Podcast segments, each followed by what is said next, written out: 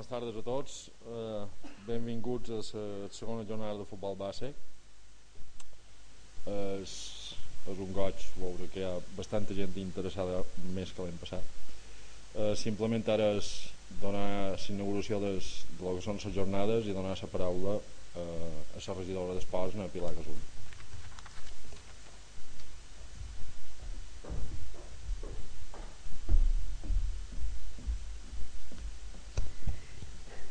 Senyor Balda, senyors regidors, ponents, senyor president del Club Esportiu Escolar, membres de la directiva, ponents, a tots els presents, bon vespre, en nom de l'Ajuntament de Cadapera, com sempre, volem donar-vos les gràcies per estar aquí amb nosaltres i venir a gaudir d'aquestes segones jornades que fem de futbol base. La veritat és que estic molt contenta de veure repetidors i gent també de fora poble que ha vengut avui a gaudir d'aquesta sessió inaugural d'aquestes segones jornades. Eh, per segon any posam al vostre abast aquest, eh, aquests dies de debat i de, i de foment de, de la discussió d'aquesta eh, qüestió tan important per nosaltres i per molts estaments com clubs, entrenadors, pares com és la, el camí de la formació a la competició. En un moment en el que nosaltres consideram que el futbol sobretot des del punt de vista mediàtic ha entrat a un desenvolupament que eh, en quant a les categories base consideram que pot ser no del tot eh, apropiades per, per als joves jugadors, és una opinió personal i una, i una opinió que comparteix el Departament d'Esports, entenem que és fonamental aturar una mica i tots els que estem i esteis involucrats en l'educació i el desenvolupament d'aquests nins i nines que, que practiquen l'esport base, facem una reflexió en el sentit de que si en ocasions eh, posam eh, o donant preferència a qüestions que potser no siguin tan importants com a, com a d'altres. Estem aquí per discutir-ho, per xerrar-ne i sobretot perquè vosaltres doneu la vostra, la vostra opinió i, i per això aquest torn de, de, de col·loqui i debat perquè vosaltres podeu dir la vostra. Eh, finalment, només volia donar les gràcies a tots els col·laboradors, a tots els ponents, eh, sobretot eh, a totes les persones que han fet possible aquestes jornades que de manera molt cordial eh, quan els hem exposat aquest tema han estat molt contents de, de venir fins a Cap de Pere eh, sabem que venir fins a Palma de Palma fins, fins aquí d'altres indrets pues, a vegades se'ls fa molt complicat. I res més, eh, reiterar el nostre agraïment a tots els col·laboradors i sobretot eh, un agraïment personal al Departament d'Esports de l'Ajuntament de Catapera per la seva col·laboració, els membres d'Ona Verda que mm, per, cost, per qüestions personals els hi ha sigut una mica difícil estar aquí amb nosaltres però com sempre eh, estem, poden comptar la seva presència. Gràcies Manolo, Roger, en Dani que avui no ha pogut estar amb nosaltres. I res més, gaudiu d'aquestes jornades benvinguts una altra vegada i, i res més, convidar-vos a les de l'any que ve. Moltes gràcies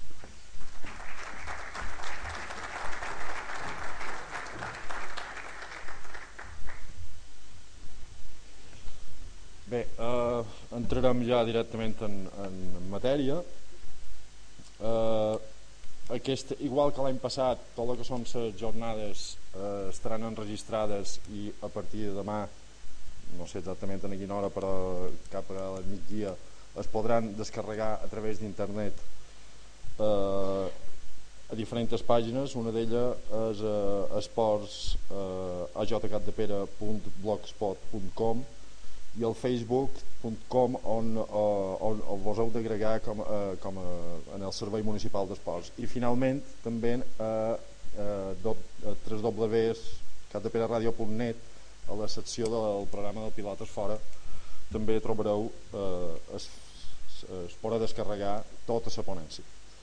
Eh, el, primer, el primer ponent que tenim avui vespre és el senyor Salvador Fornés àrbitre de futbol des de la temporada 97-98 eh, assolint la categoria nacional de tercera divisió la temporada 2002-2003 durant sis anys ha format part de la directiva del comitè d'àrbitres essent el seu vicepresident en els dos darrers anys.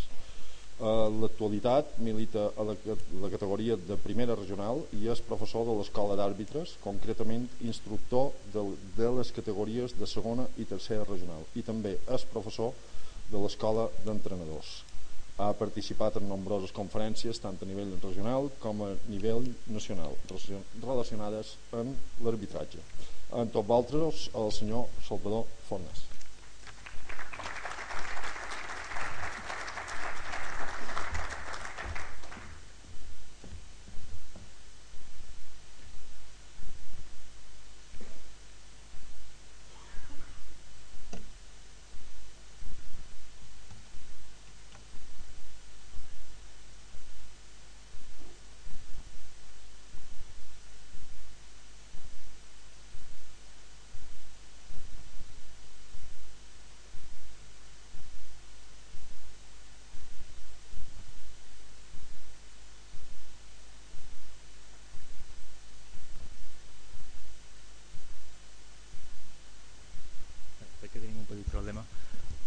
Bones tardes a tothom. Uh, no puc començar la meva, la meva conferència sense donar l'enhorabona a l'Ajuntament de Cap de Pere per l'organització d'aquestes jornades, així com a tots els col·laboradors que fan possible el desenvolupament d'aquestes jornades. De, en el mateix moment vull agrair que s'hagi pensat en, amb el comitè balear d'àrbit de futbol perquè un representant seu pues, estigui avui amb tots vosaltres per donar un punt de vista de, del món arbitral de dins la formació dels jugadors a les categories de, de futbol base i del camí cap a la formació i de la competició. Segurament si poden posar les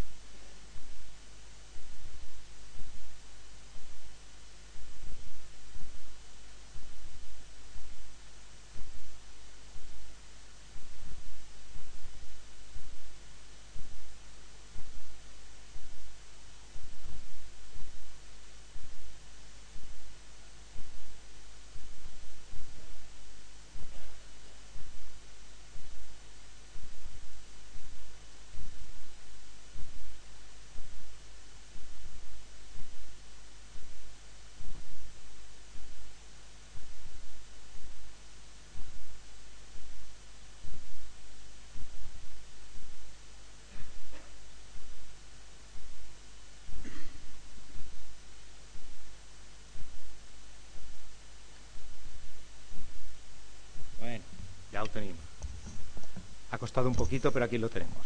¿eh? Bien. Uh, el título de la ponencia es El camino de la formación en la competición. Uh, lo primero que hemos de tener claro, lo, lo, primero que hemos de tener claro, cuál es el objetivo de la ponencia de lo que vamos a hablar hoy. Yo no les quiero engañar, no les quiero engañar.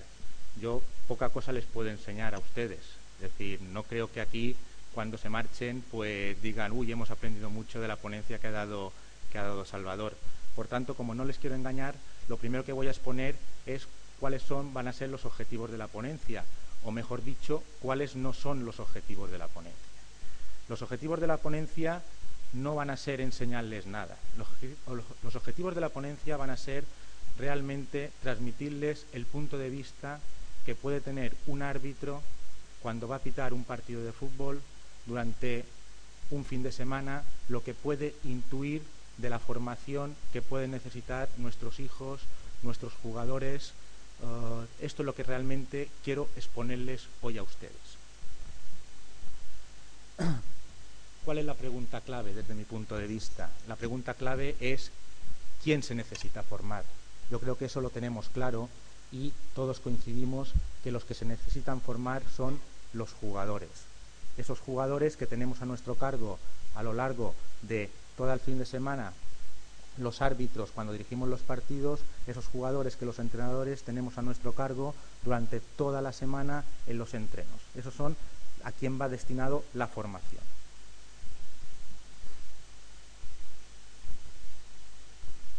Pero antes nos hemos de hacer la pregunta de esos jugadores que todos coincidimos que se han de formar, si esos jugadores tienen necesidades de formación.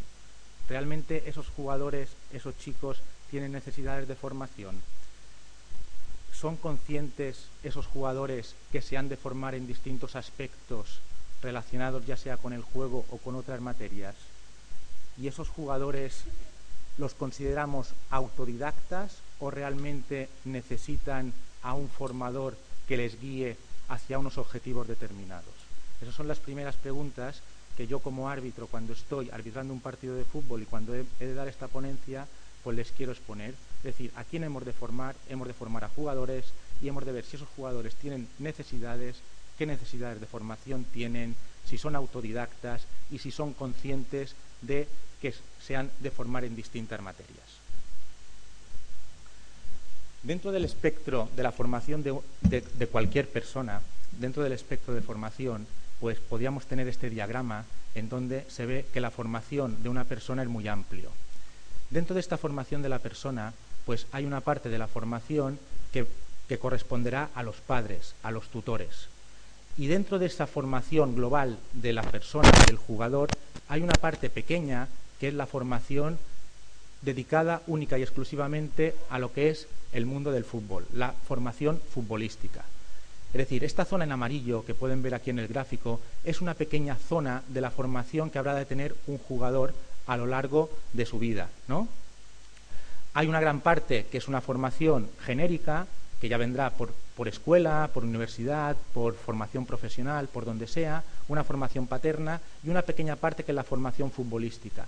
En esa formación futbolística vemos que se superpone, se superpone lo que es la formación del, padre o tutor, la formación futbolística se superpone. ¿Por qué? Porque hay una fase durante la semana que realmente los jugadores están, están a las órdenes del entrenador, están bajo la jurisdicción del entrenador. El padre no está en ese momento, son, se siguen las directrices del entrenador.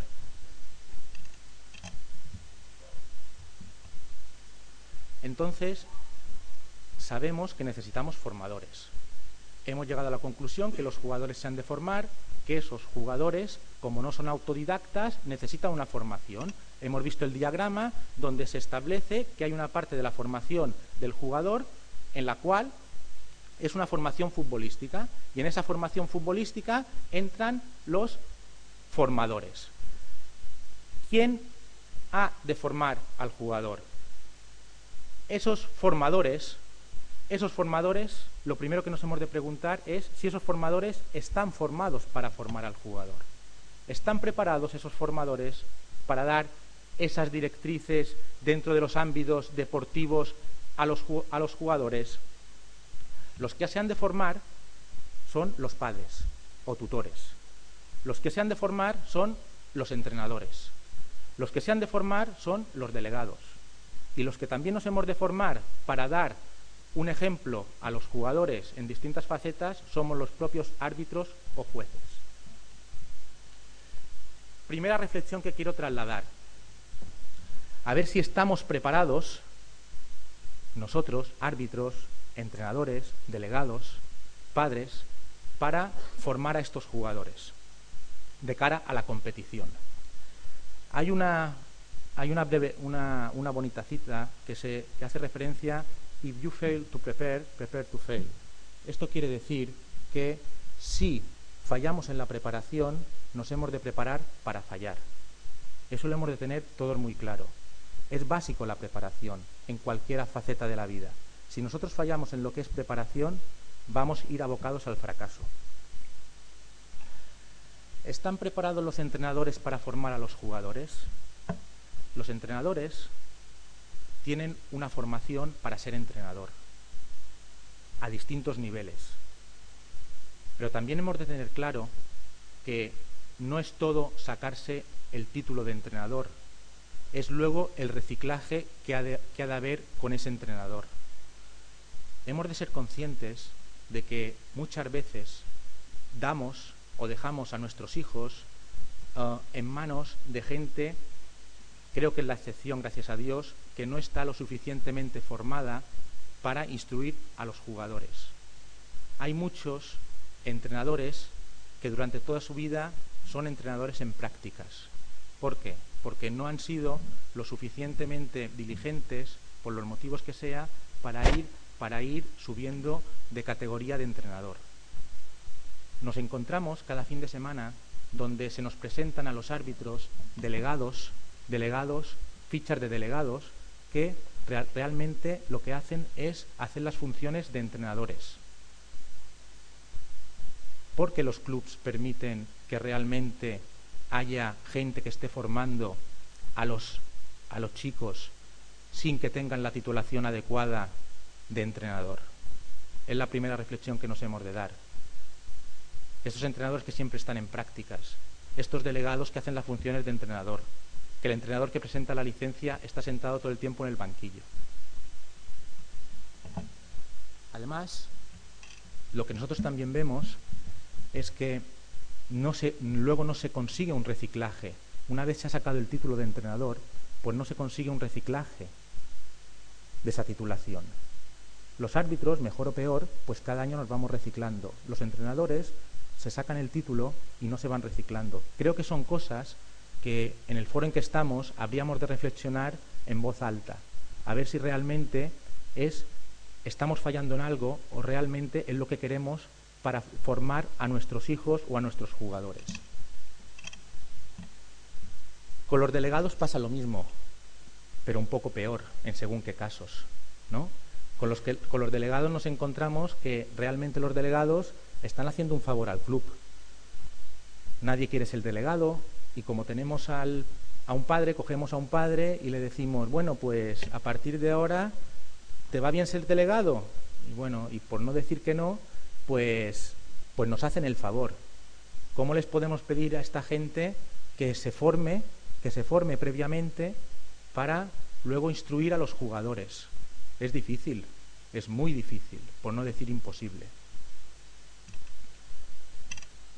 Y también está, y también está los árbitros. ¿Estamos preparados los árbitros para dar un buen ejemplo a los jugadores cuando arbitramos? Pues también lo habríamos de meditar. Tenemos árbitros que a lo mejor van a, pasar el partido y no le dan importancia al partido que van a pitar. Pitar a lo mejor un partido de Alevín, pues para ese equipo que ha estado toda la semana entrenando para el partido del sábado, es más importante pues que el partido del martes del Madrid o del Barcelona. Y los árbitros, pues, pues eso lo hemos de tener en, en mente.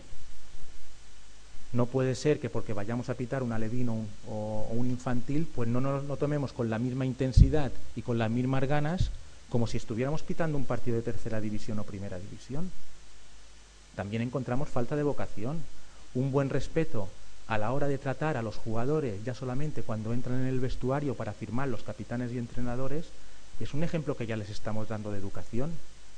A la hora de imponernos, nos hemos de imponer con educación, porque somos los árbitros, pero también es un problema que tiene nuestro fútbol. A la hora de conseguir impartir justicia con educación y con respeto hacia los demás. ¿Estamos preparados los árbitros también para impartir ese, esa justicia con respeto y educación sin faltar a nadie? Pues es otra reflexión que hemos de hacer. En el tema de la formación de los árbitros, pues sí, pues sí que hay, pues a lo mejor, digamos, unos cursos anuales y, se, y nos vamos reciclando, pero también creo que tendríamos que tener formación en otros aspectos distintos a los relacionados directamente con, con las reglas del juego. Y entonces yo les quiero exponer mi gran paradoja, una gran paradoja. Fíjense ustedes en qué categorías empiezan los niños a jugar. los niños empiezan a jugar en la categoría más baja normalmente, ¿no? ¿Y los entrenadores? ¿En qué categoría empiezan a entrenar los entrenadores? Pues normalmente también en las categorías más bajas. ¿Y los árbitros? ¿Dónde empezamos a arbitrar los árbitros? En las categorías más bajas. ¿Y ustedes creen que esta es la forma ideal? Que en algunas categorías nos encontremos árbitros inexpertos, entrenadores inexpertos y jugadores que empiezan todos en la misma categoría. ¿No sería más lógico que las categorías base donde los niños todos somos su ejemplo, entrenadores, árbitros, padres, pues realmente tuvieran la posibilidad de disfrutar de aquellos entrenadores más capacitados y con más experiencia, de aquellos árbitros más capacitados y con más experiencia que hacerlo al revés. ¿No sería más lógico? ¿No nos estamos equivocando en algo?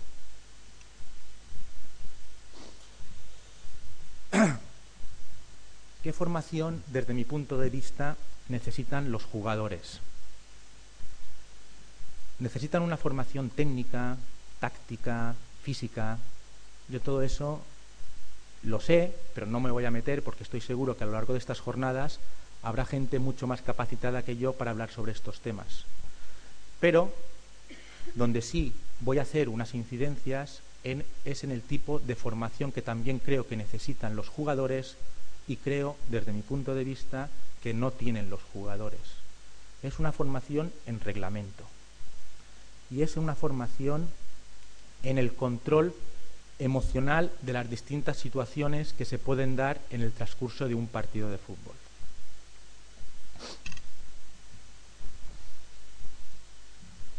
¿Qué tiempo se dedica durante el entreno semanal, durante el entreno mensual, durante el entreno anual, a enseñar al jugador distintos aspectos que no son los propios relacionados con el juego?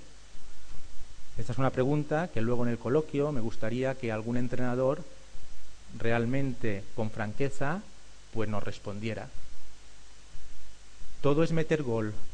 ¿El objetivo es el meter gol y ganar o realmente somos conscientes en qué categorías estamos entrenando a los jugadores? ¿Hablamos a los jugadores del concepto fair play? ¿Hablamos a los jugadores de cómo respetar al contrario? ¿De cómo respetar al público? ¿De cómo respetar al árbitro? ¿O simplemente les decimos aquí hay un balón esférico y tu objetivo es meterlo entre los postes de la portería contraria?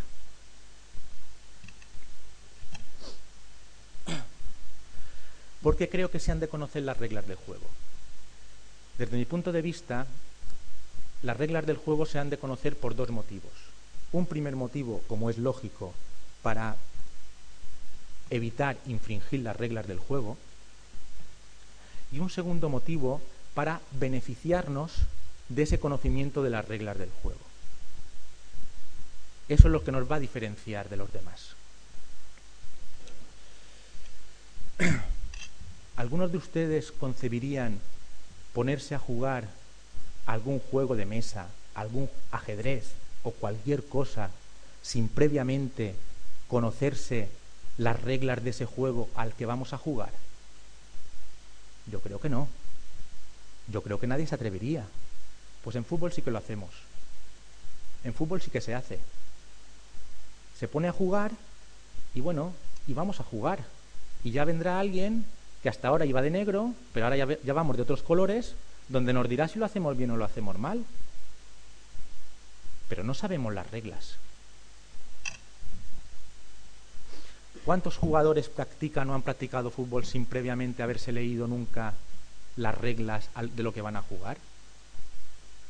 Yo esta pregunta, en todos los cursos que hago de entrenadores, al principio del curso hago la misma pregunta, a todos, a todos el 99,9% han jugado o juegan a fútbol. De todos ellos, uno o dos, es decir, ni el 5% han leído previamente las reglas del juego. Ignorancia versus conflicto. Claro, es que si no sabemos las reglas del juego, pues luego se crean conflictos. Yo me creía que esto era así, que esto era asá, y luego cuando vemos que el árbitro pues ha acertado, uy, pues nos hemos equivocado a la hora de protestar. La ignorancia o el desconocimiento puede crear conflictos.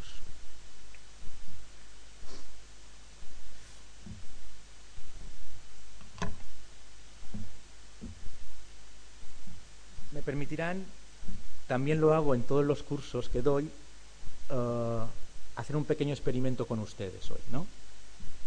Aquí fíjense, para que vean el tema del conocimiento de las reglas del juego. Fíjense aquí, esto es un terreno de juego, la parte verde, la línea de banda y la parte lila, digamos, la parte de abajo es fuera del terreno de juego, ¿no? Y estos son seis jugadores, el jugador A, el jugador B, el C, el D, el E y el F, con la posición de los pies a la hora de efectuar un saque de banda. ¿Mm? ¿Vale? Entonces, si me permiten, les agradecería que se pusieran todos de pie, si no les sabe mal. Y colaboren un poquito y así no se me duermen.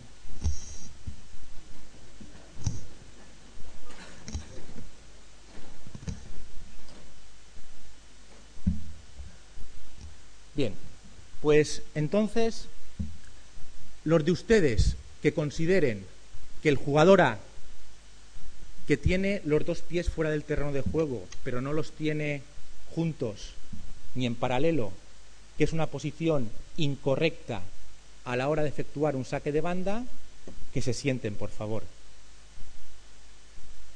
veo que nadie se ha sentado, consiguientemente, creo que todo el mundo considera que esta posición es una posición correcta para efectuar un saque de banda. ¿No es así?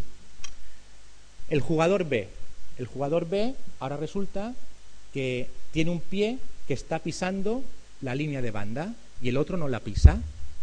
Los de ustedes que consideren que es una posición incorrecta, que se sienten, por favor.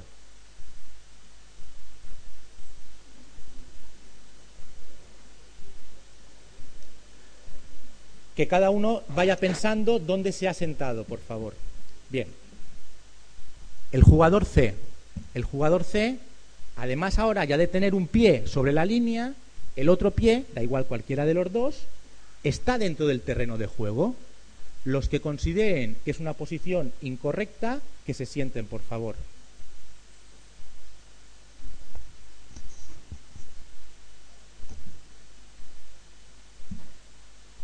El jugador D. El jugador D ya tiene el jugador D ya tiene los dos pies prácticamente, excepto con el talón, dentro del terreno de juego. Ya solamente hay un valiente que se ha quedado de pie. No, no, no, no, no, no, yo también estoy de pie. El jugador D ya solamente tiene los talones sobre la línea de banda y tiene prácticamente la totalidad de los pies dentro del terreno de juego. Bien, ya no hay nadie levantado. El jugador E, el jugador E tiene un pie sobre la línea y la otra parte totalmente dentro del terreno de juego. Y el jugador F, los dos pies dentro del terreno de juego. Bien.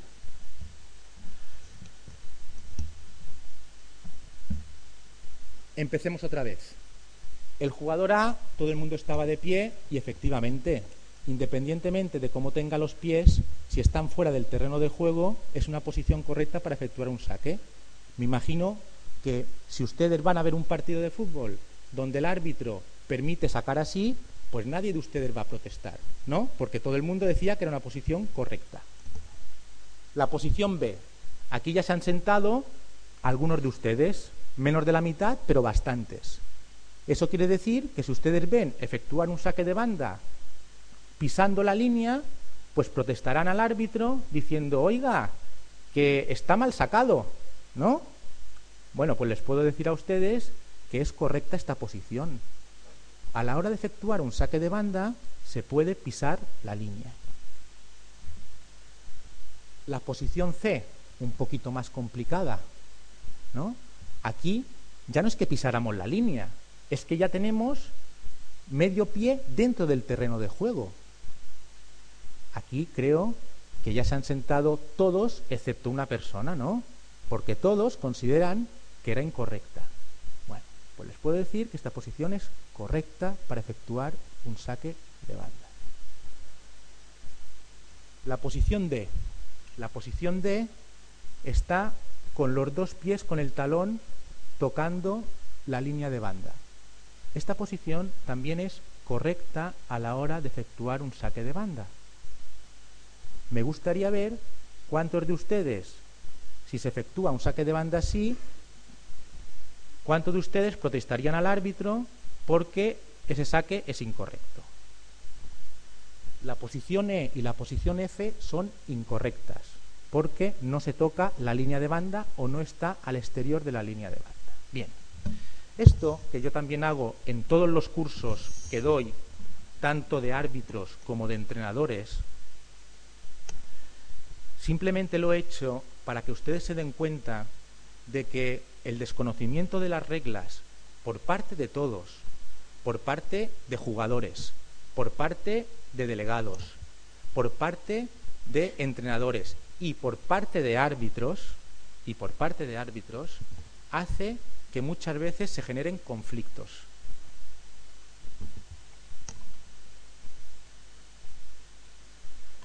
Pero el desconocimiento también viene provocado por la disparidad de criterios. Yo entiendo perfectamente que resulta que a estos chicos pequeños que los queremos formar, pues los árbitros no somos robots.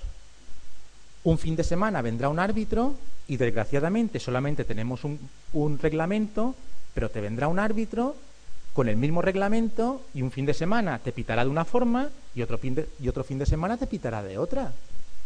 Es una cosa que también hemos de analizar. Es difícil. Es difícil instruir a estos chicos con una disparidad de criterios que muchas veces los propios árbitros tenemos. El criterio no uniforme de los árbitros también nos genera conflictos.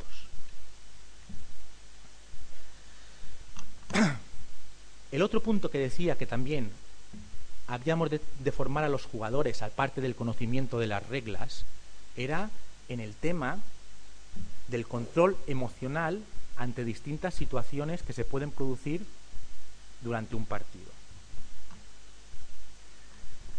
Es inevitable que haya conflictos en los partidos. ¿Por qué? Porque diariamente en la vida cotidiana hay conflictos. Cuando vamos con el coche hay conflictos.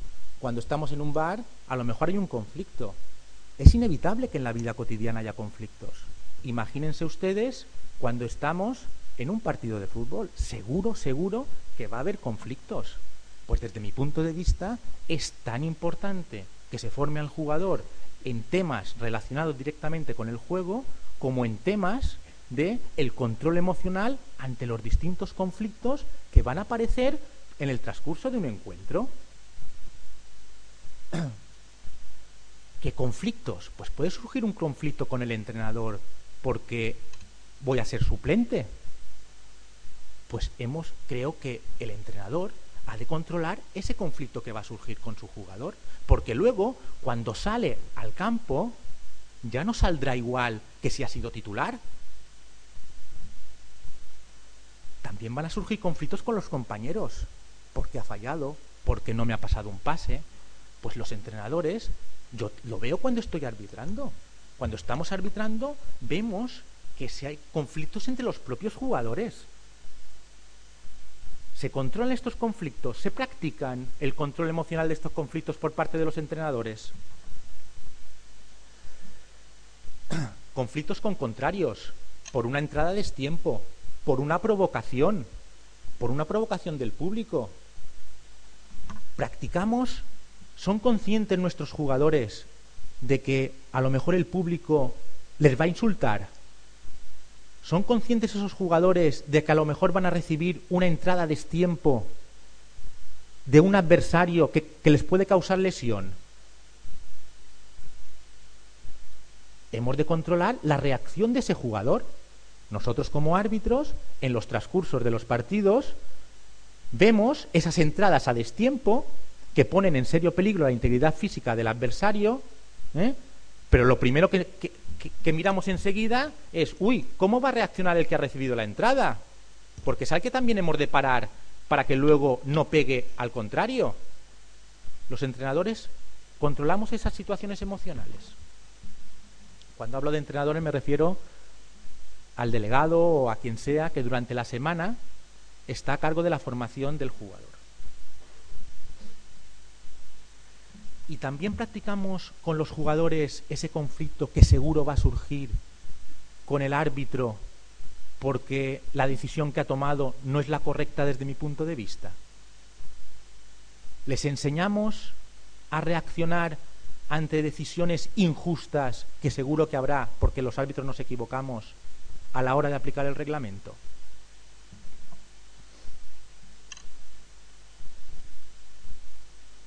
Hay distintas formas de resolver los conflictos y una de ellas es anticiparnos a ese conflicto.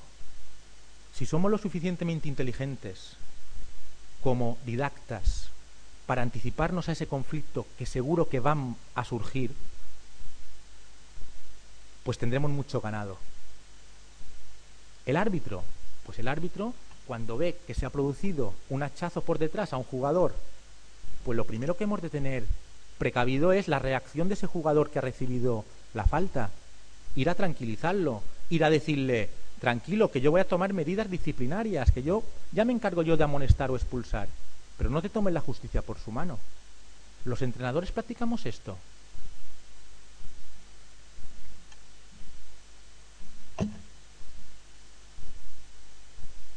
Se forman los jugadores para darse cuenta cuando se aproxima un conflicto. ¿Estamos nosotros, entrenadores, delegados, árbitros, para darnos cuenta, capacitados para darnos cuenta cuando se aproxima un conflicto?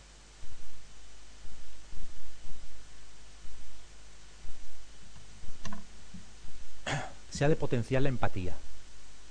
Es básico. La empatía, árbitro-jugador, árbitro-entrenador, entrenador-jugador. Ponerse en el lugar del, del otro. Es básico para la formación de los chicos. Son conscientes los jugadores, son conscientes los jugadores de que los árbitros nos podemos equivocar.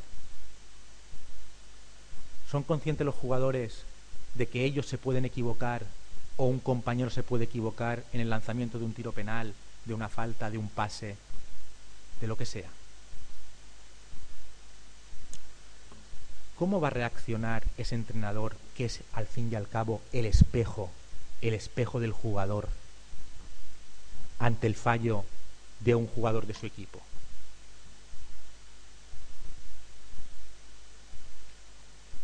¿Ese entrenador va a reaccionar igual cuando falla un jugador de su equipo un tiro penal, un pase, que cuando falla el árbitro una decisión? Fíjense como he dicho, los jugadores, los, perdón, los entrenadores, los árbitros, somos el espejo en el cual se miran los jugadores.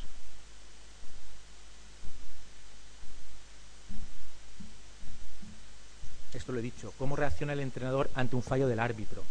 ¿Reacciona igual que ante el fallo de un jugador suyo?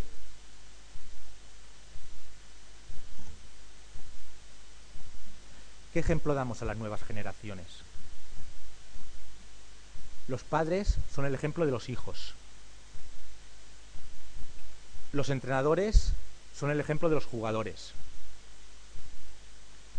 Cada entrenamiento, cada partido es una exposición pública de los entrenadores a ser observados y copiados por los jugadores.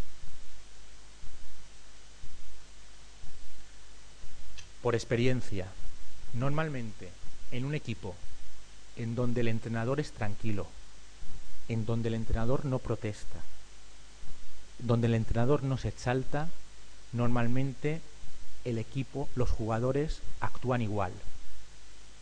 Y se lo digo por experiencia. Normalmente en un equipo donde el entrenador es exaltado, les traslada nerviosismo. Normalmente esos jugadores serán exaltados, protestarán.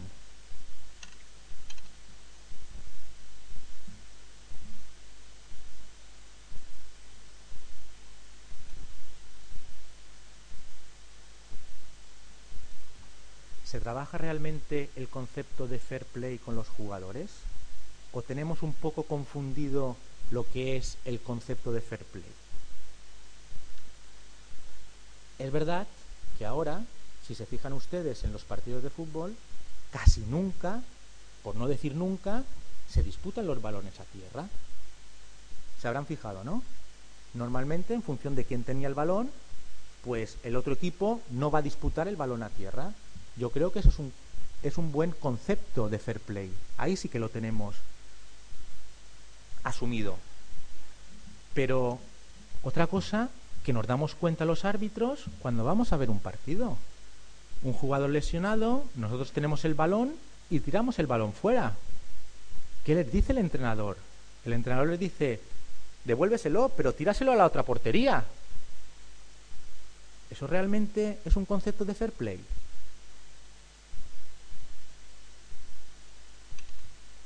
Cuando un jugador se tira al suelo, cuando un jugador se tira al suelo simulando un penalti, una falta, el jugador, el entrenador está contento porque el árbitro ha picado.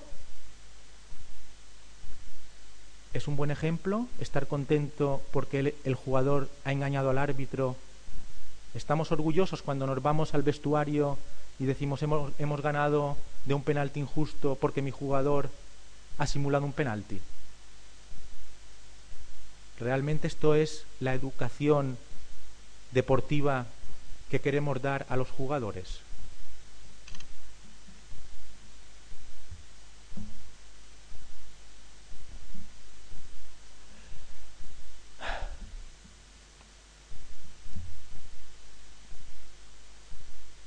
Creo que hemos de intentar fortalecernos a nosotros mismos en lugar debilitar al adversario. Para eso he puesto una anécdota de la obra El Zen, las artes marciales. No sé si la conocerán.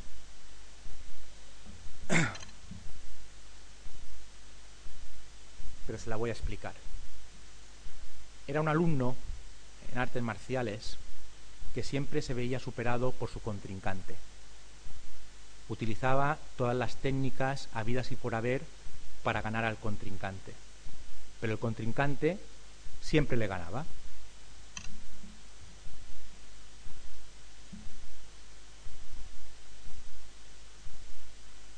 Al final, cansado de siempre perder, pues se fue a su entrenador, desanimado, para que le aconsejara. El maestro el profesor, el entrenador, al verlo disgustado, dibujó en el suelo una línea de unos dos metros y le dijo, ¿cómo puedes acortar esa línea? El jugador, el alumno, estuvo pensando y dijo, bueno, pues a lo mejor cortándola, no sé, estuvo pensando cómo podría acortar esa línea para hacerla más pequeña, que es lo que le había pedido su maestro. El maestro sacudió la cabeza y dijo, no, no me sirve lo que me has dado, no me sirve cortar la línea. El maestro dibujó otra línea, una línea más larga que la anterior, y le dijo, ¿cómo ves ahora la primera línea? Y le dijo, pues más corta.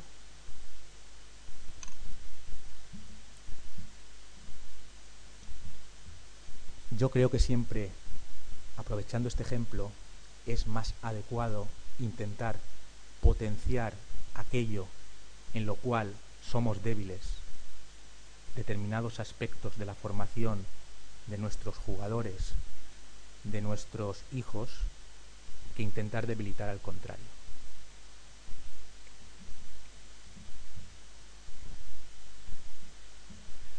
Antes de terminar, yo creo que aún me quedan un poquito, ¿no? Antes de terminar, pues uh, un buen amigo me ha, me ha facilitado una, una pequeña exposición de, como reflexión para a ver si es posible intentar cambiar las cosas. Y también les voy a dar otra exposición. No sirve de nada decir que las cosas siempre han sido de una u otra manera para evitar cambiarlas. No sirve de nada decir yo siempre he entrenado así, yo siempre he educado a mi hijo, a mi jugador de esta forma. Uh, no, vamos a ver que a lo mejor existe la posibilidad de hacerlo de otra forma. Es el tema de los monos, ¿no?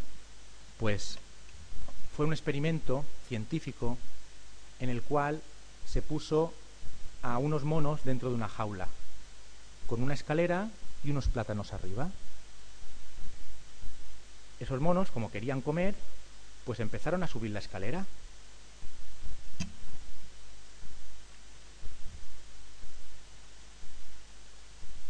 Pero cada vez que un mono subía la escalera, pues a los, a los que se quedaban abajo se les tiraba un chorro de agua caliente y se quemaban.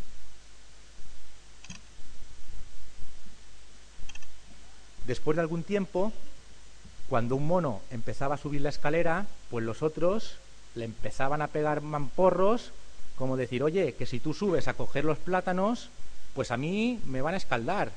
Y no es plan. Cada vez que alguien subía la escalera, pues les daban golpes, ¿no? Bien. transcurrido algún tiempo, pues es obvio que ningún mono subía, porque si no los otros le linchaban. Entonces, ¿qué hicieron los científicos?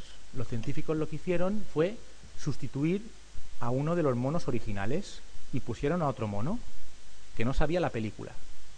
Y ese mono, cuando vio la escalera con los plátanos, dijo, pues allí voy a subir.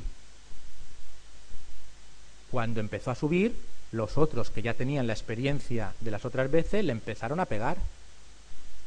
Y ese mono no sabía, no sabía por qué le estaban pegando.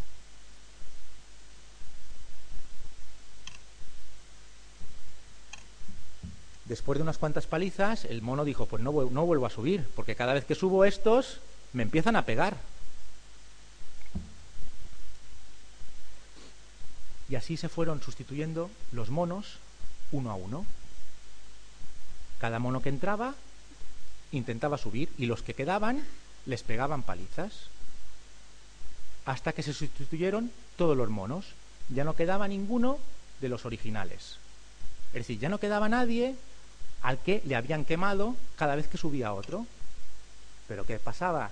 Que cada vez que alguien subía la escalera, pues le atizaban y le golpeaban. Nadie sabía por qué, pero le pegaban. Moraleja.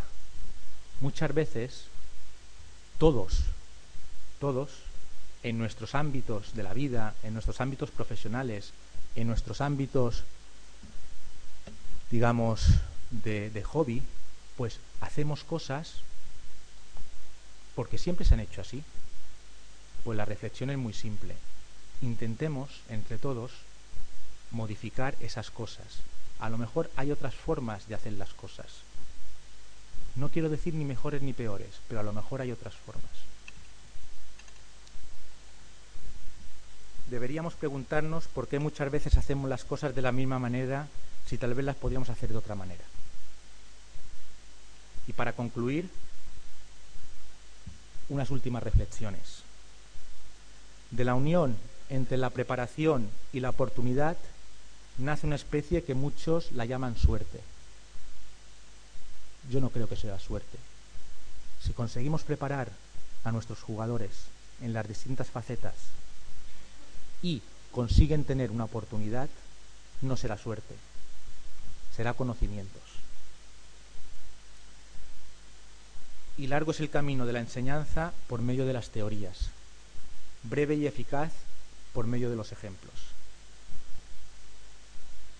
Dar ejemplo no es la principal manera de influir sobre los demás, es la única manera. Educar es como remar contra corriente. En cuanto se deja, se retrocede. Y si creéis que la educación es cara, imaginaros lo que es la ignorancia. Muchas gracias a todos y espero que haya sido de provecho. Muchas gracias.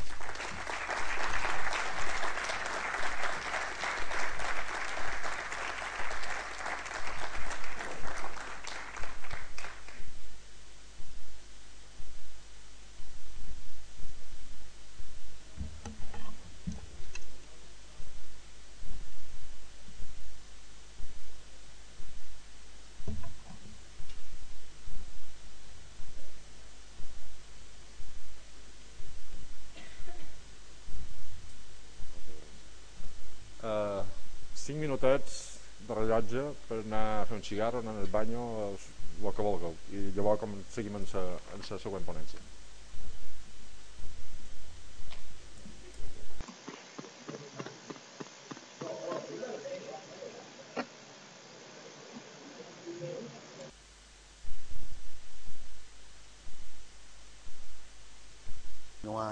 en la jornada d'avui eh, vos presentaré el proper ponent eh, doctor en Educació Física en Pere Antoni Borràs. Eh, és professor de l'àrea d'Educació Física i Esportiva del Departament de Pedagogia i, i Didàctiques Específiques de la Universitat de les Illes Balears des de l'any 98, actualment en la figura de professor contractat doctor, coordinador dels Estudis d'Educació Física de la UIT, doctor per la Universitat de les Illes Balears, llicenciat en Educació Física per la Universitat màster en rendiment esportiu per la Universitat de les Illes Balears i diploma universitari europeu en gestió esportiva per la Universitat de Northumbria a Newcastle. Ha publicat més de 20 articles en revistes científiques, més de 30 treballs en llibres, ha participat en diferents congressos relacionats amb l'activitat física i l'esport, presentant més de 30 eh, congressos. Des de 2008 és membre de la xarxa europea de promoció de l'activitat física saludable, l'EPA, que pertany a l'Organització Mundial de la Salut, i membre del grup d'investigació de l'associació Schools of for Health Europe, Europe de la Unió Europea. Actualment imparteix l'assignatura de Teoria i Pràctica del Condicionament Físic en la Facultat d'Educació Física de la Universitat de les Illes Balears. A tots vostès, eh, el senyor Pere Antoni Borràs.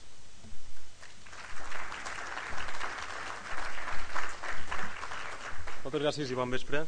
Uh, farem aquesta petita xerrada, la farem mallorquí, si no us sap greu. Uh, Suposta m'enteneu. De totes maneres, uh, la idea, uh, quan se va presentar la idea de fer aquesta, aquesta xerrada en aquestes jornades de, és que fos qualcuna cosa una mitjeta pràctica que, que li podríeu veure qualque mitja d'utilitat aquesta és l'idea, això és una experiència pràctica que vos venja a comptar primer lloc volia donar les gràcies a, a l'organització de les jornades, moltes gràcies per, per haver-me convidat i per poder-vos contar això, ja que moltes vegades les feines que feim a àmbits universitaris queden allà i no hi ha una bona connexió després, en aquest cas, amb les persones per les quals varen dissenyar tot això, que al final és per entrenadors per, i per pares, bàsicament. En aquest cas, de totes maneres, això va ser un estudi que va ser suportat i, i part financiat per la Federació de Futbol, eh, i se suposa que encara hi haurà bastanta més transferència perquè és un estudi que encara continua i encara s'estan fent coses més. Bueno, la idea d'aquesta xerrada és donar-vos unes quantes eines ja sigui amb el, amb el paper d'entrenador, ja sigui amb el paper de pare o paper de jugador, i jugadors no som gaire, a lo millor, no sé, no millor m'equivoc, encara estan tots jugant, però no ho sé, no ho sembla molt. Aquí, que estigueu jugant ara mateix, quants n'hi ha? Un? 3 magre, magre, hem de jugar un poc més encara tenim edat de jugar bueno. Entrenadors? O que puguin estar dins paper d'entrenadors? I ja anant més. Directius? Directius? D'aquests que, que poden estirar les hores dels entrenadors? O oh, això no. Simplement eh, espectadors com a pares segurament sou més, és a dir, que, aneu a veure partits de futbol de, de, de, de persones amb, en edat escolar. És important aquesta precisió del tema d'edat escolar, perquè per normativa sabeu que és fins, que és fins a cadet, per normativa, però la categoria cadet ja és complicada amb aquest aspecte, eh? sabut té unes connotacions eh, complicades i és difícil per exemple si no s'ha fet com deia el senyor Fornés abans si no s'ha fet una feina prèvia molt important amb, amb intentar promocionar fair play que arribis a la categoria cadet i diguis no ara ens hem de portar bé, hem de molt bé, hem de respectar contrari, etc. És difícil. Per això aquesta experiència la vam fer en cadets, perquè era la categoria que era més, més complex. Ara després vos, vos explicarem per coses. L'idea és això, això era un, un disseny, una aplicació d'una intervenció, eh? és a dir, a vegades ens tiràvem en la teoria, quatre paperets se les duig, etc. Però aquí volíem provar. Varen anar, van agafar un parell de clubs eh, aleatòriament i van dir no, vendrem a fer feina amb l'entrenador durant tres sessions i a veure què passa, a menys si aconseguim qualque cosa. Aquesta era l'idea. El primer dues cosetes que a nivell de concepte són importants. El concepte d'esportivitat que és la mostra sistemàtica i consistent de fair play. Fair play és on utilitzant fair play perquè tothom ho entén, ja és un terme internacionalment acceptat. Per tant, el fair play és l'important. A Espanya, aquest grup de gent, que és un grup de gent de, de la Universitat Autònoma de Barcelona, que fa molt d'anys que fan feina, ho han tancat a dins d'aquest concepte, que a l'hora d'explicar-nos a nos lots és important. No fa falta que recordem una definició, com és aquí, però si mostrem l'idea clau és important i per això a uns d'aquests d'aquestes informacions que teniu a la carpeta és un tríptic molt senzill que se podeu fotocopiar si voleu per repartir als infants projectes per infants, després en parlarem. Una de les primeres coses que ve és això, que és fair play. Si vos fixeu la idea fonamental és aquesta. Justícia per a tothom. És a dir, tots som iguals. D'entrada tots som iguals. Mos, mos pot pareixer molt obvi però no està clar, basta veure un diari fa dos dies per Palma, bandes, pallisses, merders, és complicat. La societat actual no és, no és senzilla amb i no, i no és clara. Aleshores, intentar explicar principis de justícia per a tothom no és senzill. D'acord? I la segona idea és la fonamental, i és que no existeix una tentativa de, un, de guanyar un avantatge injust sobre un adversari. Escoltau, ni intencionadament, ni per sort, ni fortuitament. I aquesta és l'idea això fa molt bé explicar un entrenament, etc. O quan no mos jutjant res, però el problema ve quan mos jutjant qualque cosa, etc. Eh? Per això és el que hem d'intentar modular una miqueta. Eh? El primer que cal dir és que a lo millor nosaltres mateixos de, dins el món de l'esport venim errats, perquè sempre hem dit que simplement per fet de venir a fer esport, veniu a fer esport, que això és molt saludable i és fantàstic. I no està tan clar. De fet, hi ha diferents visions la visió positiva que a nosaltres ens agrada vendre és la visió per mer fet de que t'apuntis al nostre club faràs amics, t'ho passaràs molt bé te socialitzaràs, això que diuen eh? mos socialitzarem, farem amics i implícit amb això se transmeten una sèrie de valors i de normes que són positives a nosaltres ens agrada pensar això però no està tan clar hi ha molta altra gent que estudia el fenomen esportiu des de fora i diu no, no, això és un, és un encaldo de cultivo de mals comportaments i de males pràctiques, on se promou precisament el contrari. I després hi ha la visió que, que va deixar-la probablement quedarem més o més clara, que és un context neutre, no és ni bon ni dolent d'inici. Qualsevol situació esportiva, i més un esport col·lectiu, el bàsquet, handball, eh, on hi ha contacte amb companys, etc., és un context neutre, i que el que traiem de positiu o de negatiu no depèn de l'esport en si, no depèn de futbol. Depèn de l'ús que fagem de futbol i com el tratem i com l'empleem. Qui trata l'esport? Qui són els agents que traten l'esport? Som els entrenadors? Som els tècnics? Som els directius que decidim les normes? Som periodistes que cobrim les notícies i ens fixam quan té pellisses però no ens fixam quan són la mà eh, som els propis jugadors són tots eh?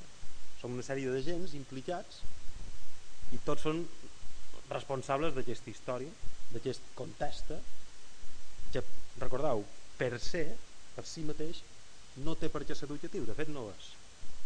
Eh? I en principi la visió neutra és la més clara, és a dir, venir a jugar a futbol perquè sí no voldrà dir que milloris la, te la teva autoconcepció sobre tu mateix ni que segur que valoris l'esforç no, dependrà de lo que sobretot companys perquè són els que més influencien el grup d'amics eh, en el final traient clar d'allò i la mateixa experiència un club i un altre podrà ser completament divergent i estem a la mateixa lliga fiu, fins a vos però com a tal eh, hem de tenir clar que són contestes que per si mateixos no influeixen. Per tant n'haurem de fer un ús determinat. Bien. perquè en aquell cas van triar la intervenció en la categoria de cadet perquè primer perquè en diferència i aquest és el darrer estudi que s'ha publicat eh, de pràctica esportiva a les Illes Balears l'esport més practicat, és el futbol com ho sabeu, i en aquesta edat, entre 14 i 16 anys va quasi 20 punts sobre el segon que és bàsquet. És un avantatge arrolladora de com a esport més practicat espectacular eh? la natació està per ahí tercer hi ha molta gent però no. No, no, no se pot no se pot ni, ni, ni comparar.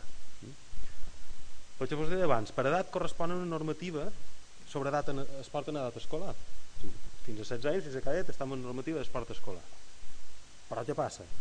en realitat, per possibilitat de rendiment, un infant de 15 anys, no és un infant, és un al·lot de 15 anys, pot suportar les mateixes xàrregues que pot suportar una persona de 8 i de 20 i pot fer un rendiment espectacular. I cada vegada ho veiem més.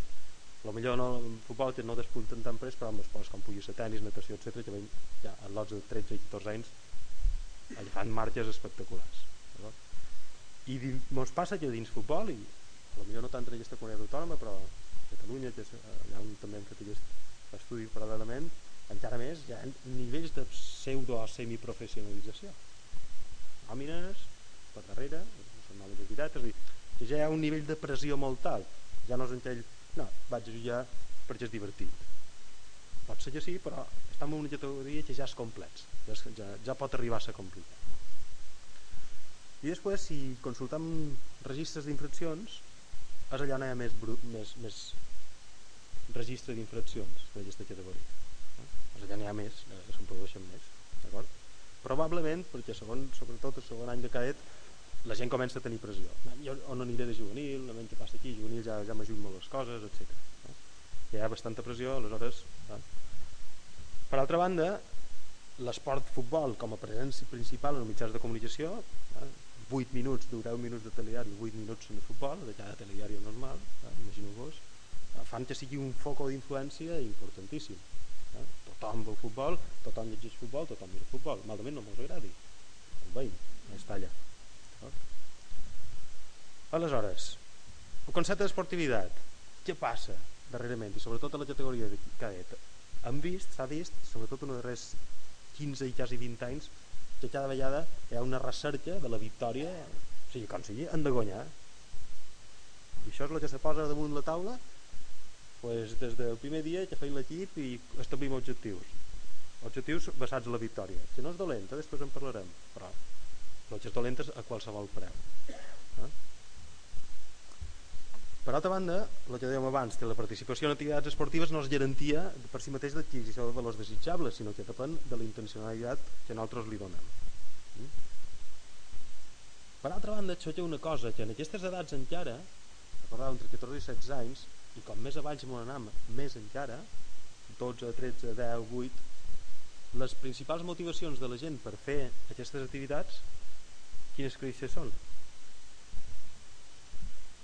per ser-s'ho bé i estar amb vos amics eh? això és quan utilitzem l'eina eh, per registrar la motivació que registrem i tots els estudis que voleu consultar la gent per què ve a jugar a futbol per passar-s'ho bé però nosaltres no hem muntat una competició perquè s'ho passin bé. Està muntada, igual que està muntada les divisions d'esport espectacle. I són un exemple perquè quan ja volen anar cap allà ho tenim muntat així. Llavors, el disseny nosaltres tenim de lliga de cada cap de setmana jugar aquest sistema de lliga que tenim és un sistema copiat de lo que se diu futbol de grans eh? però no és un sistema pensat per passar-s'ho bé. Si vos ho penseu bé Sant de Palma he de venir a jugar a Tat de Pere una hora i mitja, sé que perdré. Això, molt de infants ho saben. I no els hi resulta divertit i aquell dia oh, no hi aniria no? I, bueno, són coses per reflexionar. I el que està clar és que ells si juguen és per per ser bé però el muntatge que els hi tenim fet no està tan clar que sigui per ser bé eh? per en companys això sí, sempre funciona. I una cosa sí que està clara que els esports així com a sobretot els esports col·lectius sobretot els, els, els, els esports d'invasió eh? hi hagi contacte on s'estigui molt prop de, de company si mos poden servir molt bé per eh, desenvolupar valors determinats com lideratge, cooperació, respecte a les regles però també valors negatius com podria ser la trampa, l'enllant i coses d'aquestes eh? aleshores aquest és el context en què està que tenim un context esportiu que no sempre promourà l'esportivitat eh? però veurem com veurem fer perquè vagi un poc millor. Molta gent tira pedres quan t'analitza això i diu hi ha moltes agressions, hi ha moltes agressions que no n'hi ha tantes, després ho veureu quan ho analitzant de veres n'hi ha moltes menys del que sembla. Eh, tiren contra el concepte competitiu contra la competició. O sigui, això d'enfrontar-me amb un i guanyar quan teniu que perd no està tan bé. Bueno, anem a analitzar una mica de veres. La, la competició és educativa per ser d'acord? el que passa que s'ha d'enfocar més a manco d'una forma coherent. Uh, se pot fer una educació a través de la competició és evident eh?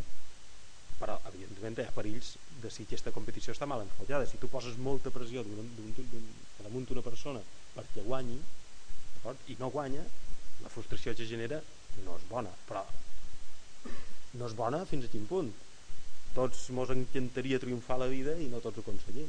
I mos estampam. I no és bo, mos aguantam. Dir, eh, podem fer del context esportiu un símil de la societat i dir, bueno, si això està muntat així la societat està muntat així si t'adaptes dins aquest context t'adaptaràs dins la societat. És una visió d'acord?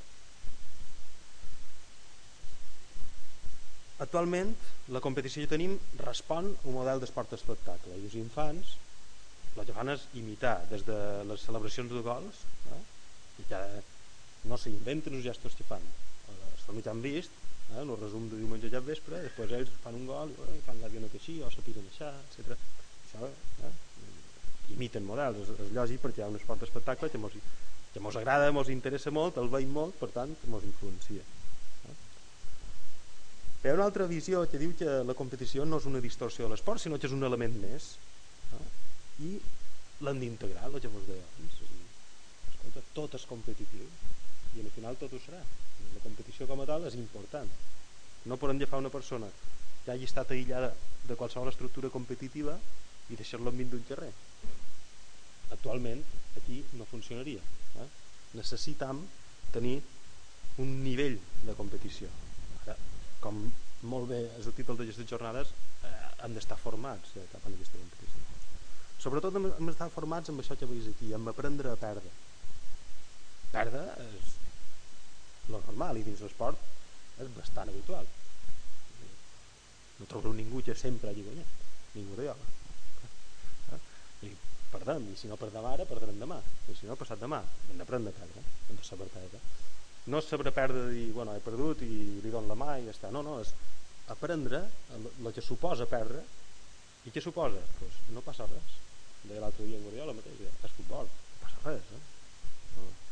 estan pitjor aquests eh, per Gassa i Ciscortània que allà s'hi perden perden qualque cosa més eh, un partit de futbol però aquesta prendre a perdre, aquesta frustració que ja feia a vegades un infant que no suporta, que ha perdut i no pot més i s'enrabia molt, és una reacció puntual però és, és bo que la passi, s'ha d'aprendre a perdre. Per tant, la competició està a vegades simplement justificada per això, perquè han de passar per perdre.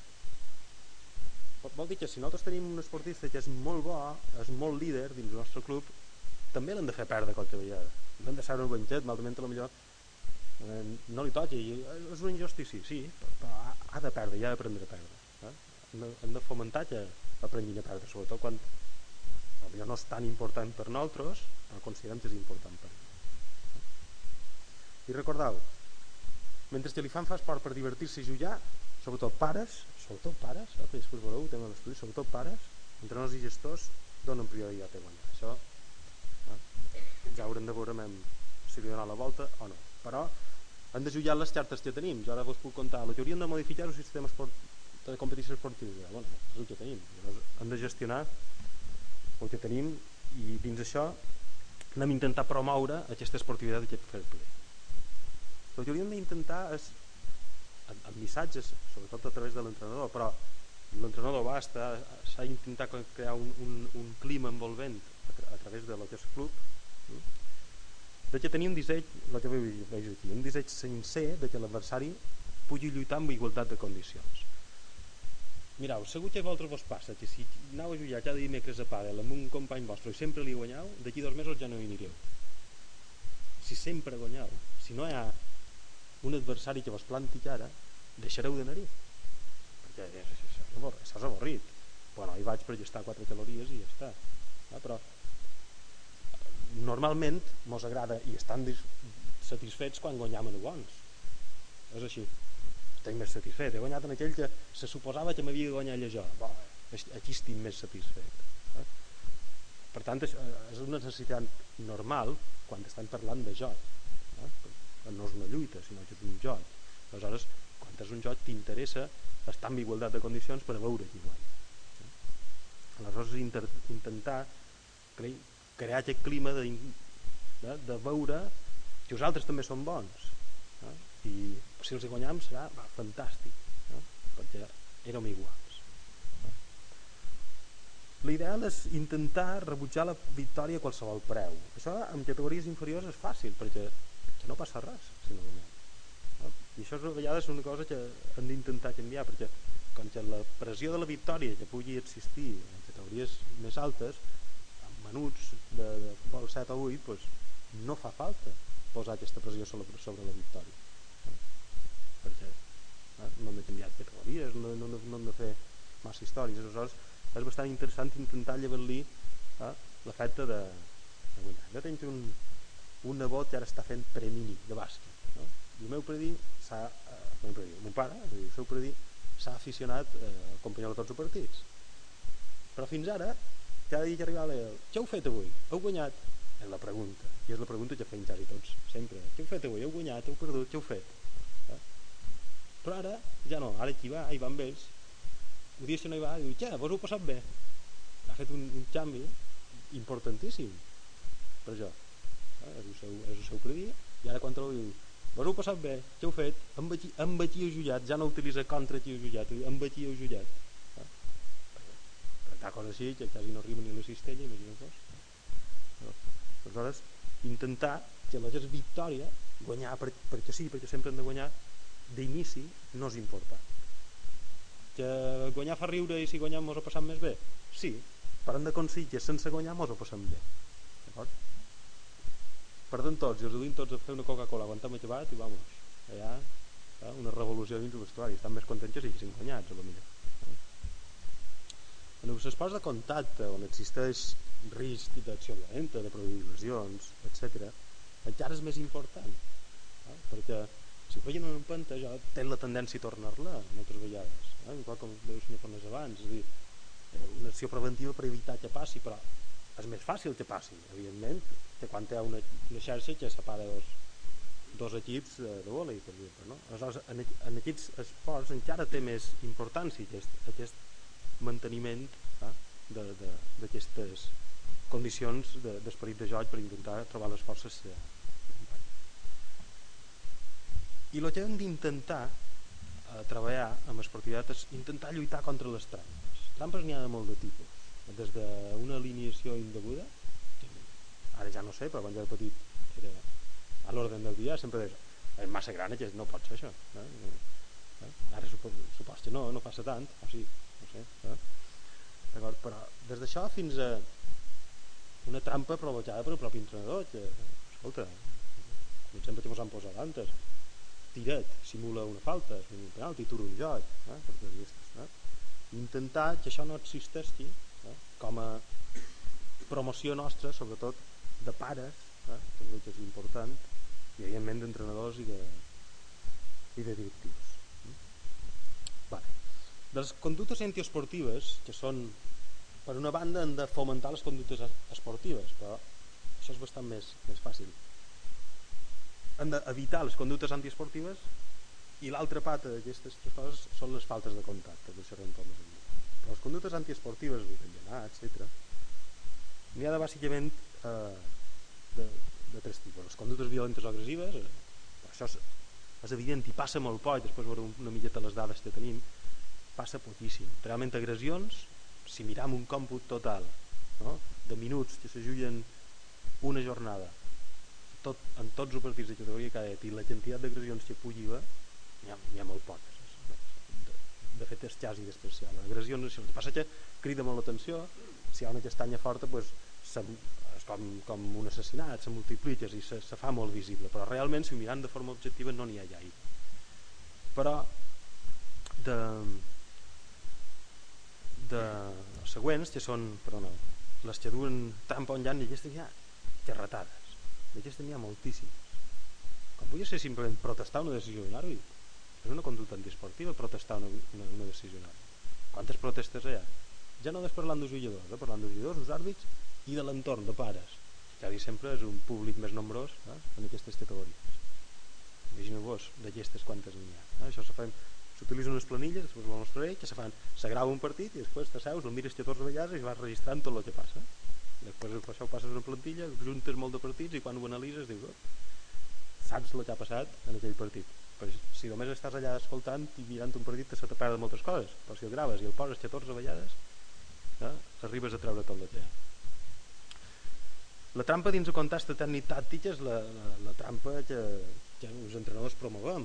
És dir, si, si ets un darrer jugador, escolta, no pot passar. Això, jo ho he sentit. M'ho han dit això com a jugador. És dir, tot val, no? Dir, no passi. És una falta tàctica, diguem ja. No? Falta tàctica dins d'aquestes edats doncs no hauria d'estar de, de, permesa, hauria d'estar superpenalitzada.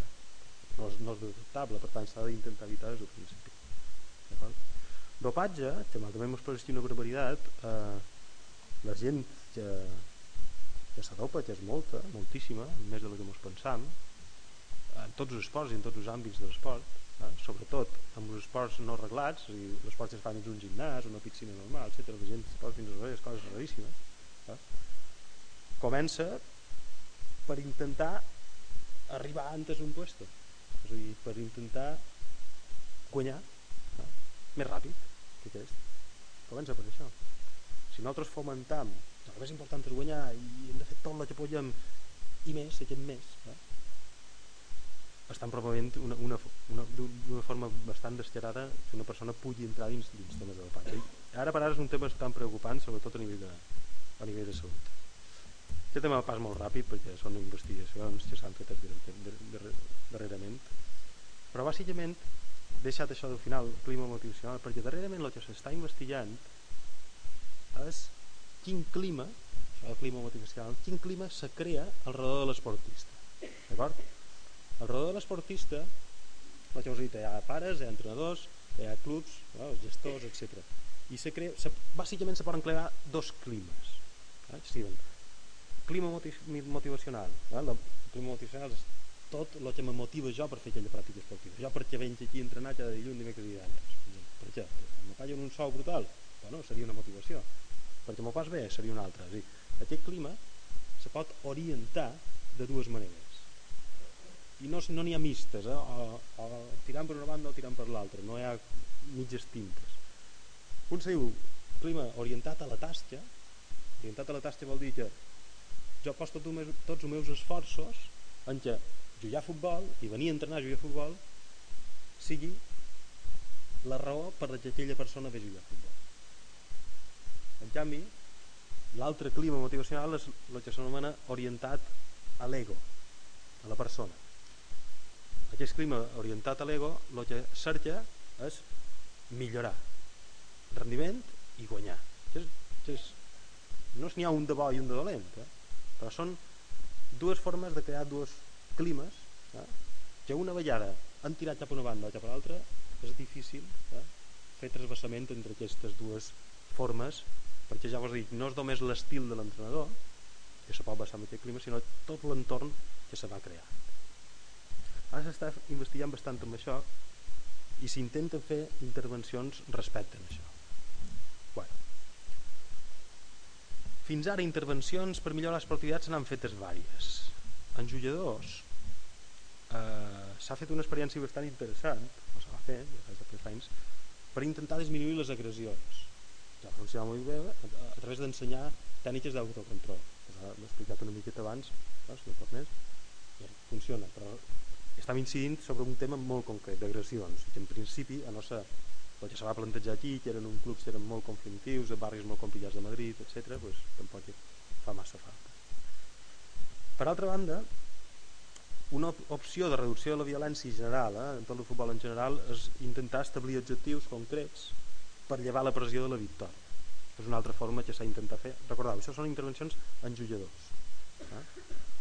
Uh, per altra banda se pot intervenir en la motivació de jugadors a través de piràmides educacionals en forma de piràmide en forma de piràmide significa que, pues, que tenc 20 tècnics en aquest club pues, tenc 20 tècnics, per damunt que tenc coordinadors per damunt que tenc directius, etc fer des de la forma piramidal una, una, una sèrie d'instruccions que quan que venen des de dalt són molt importants eh?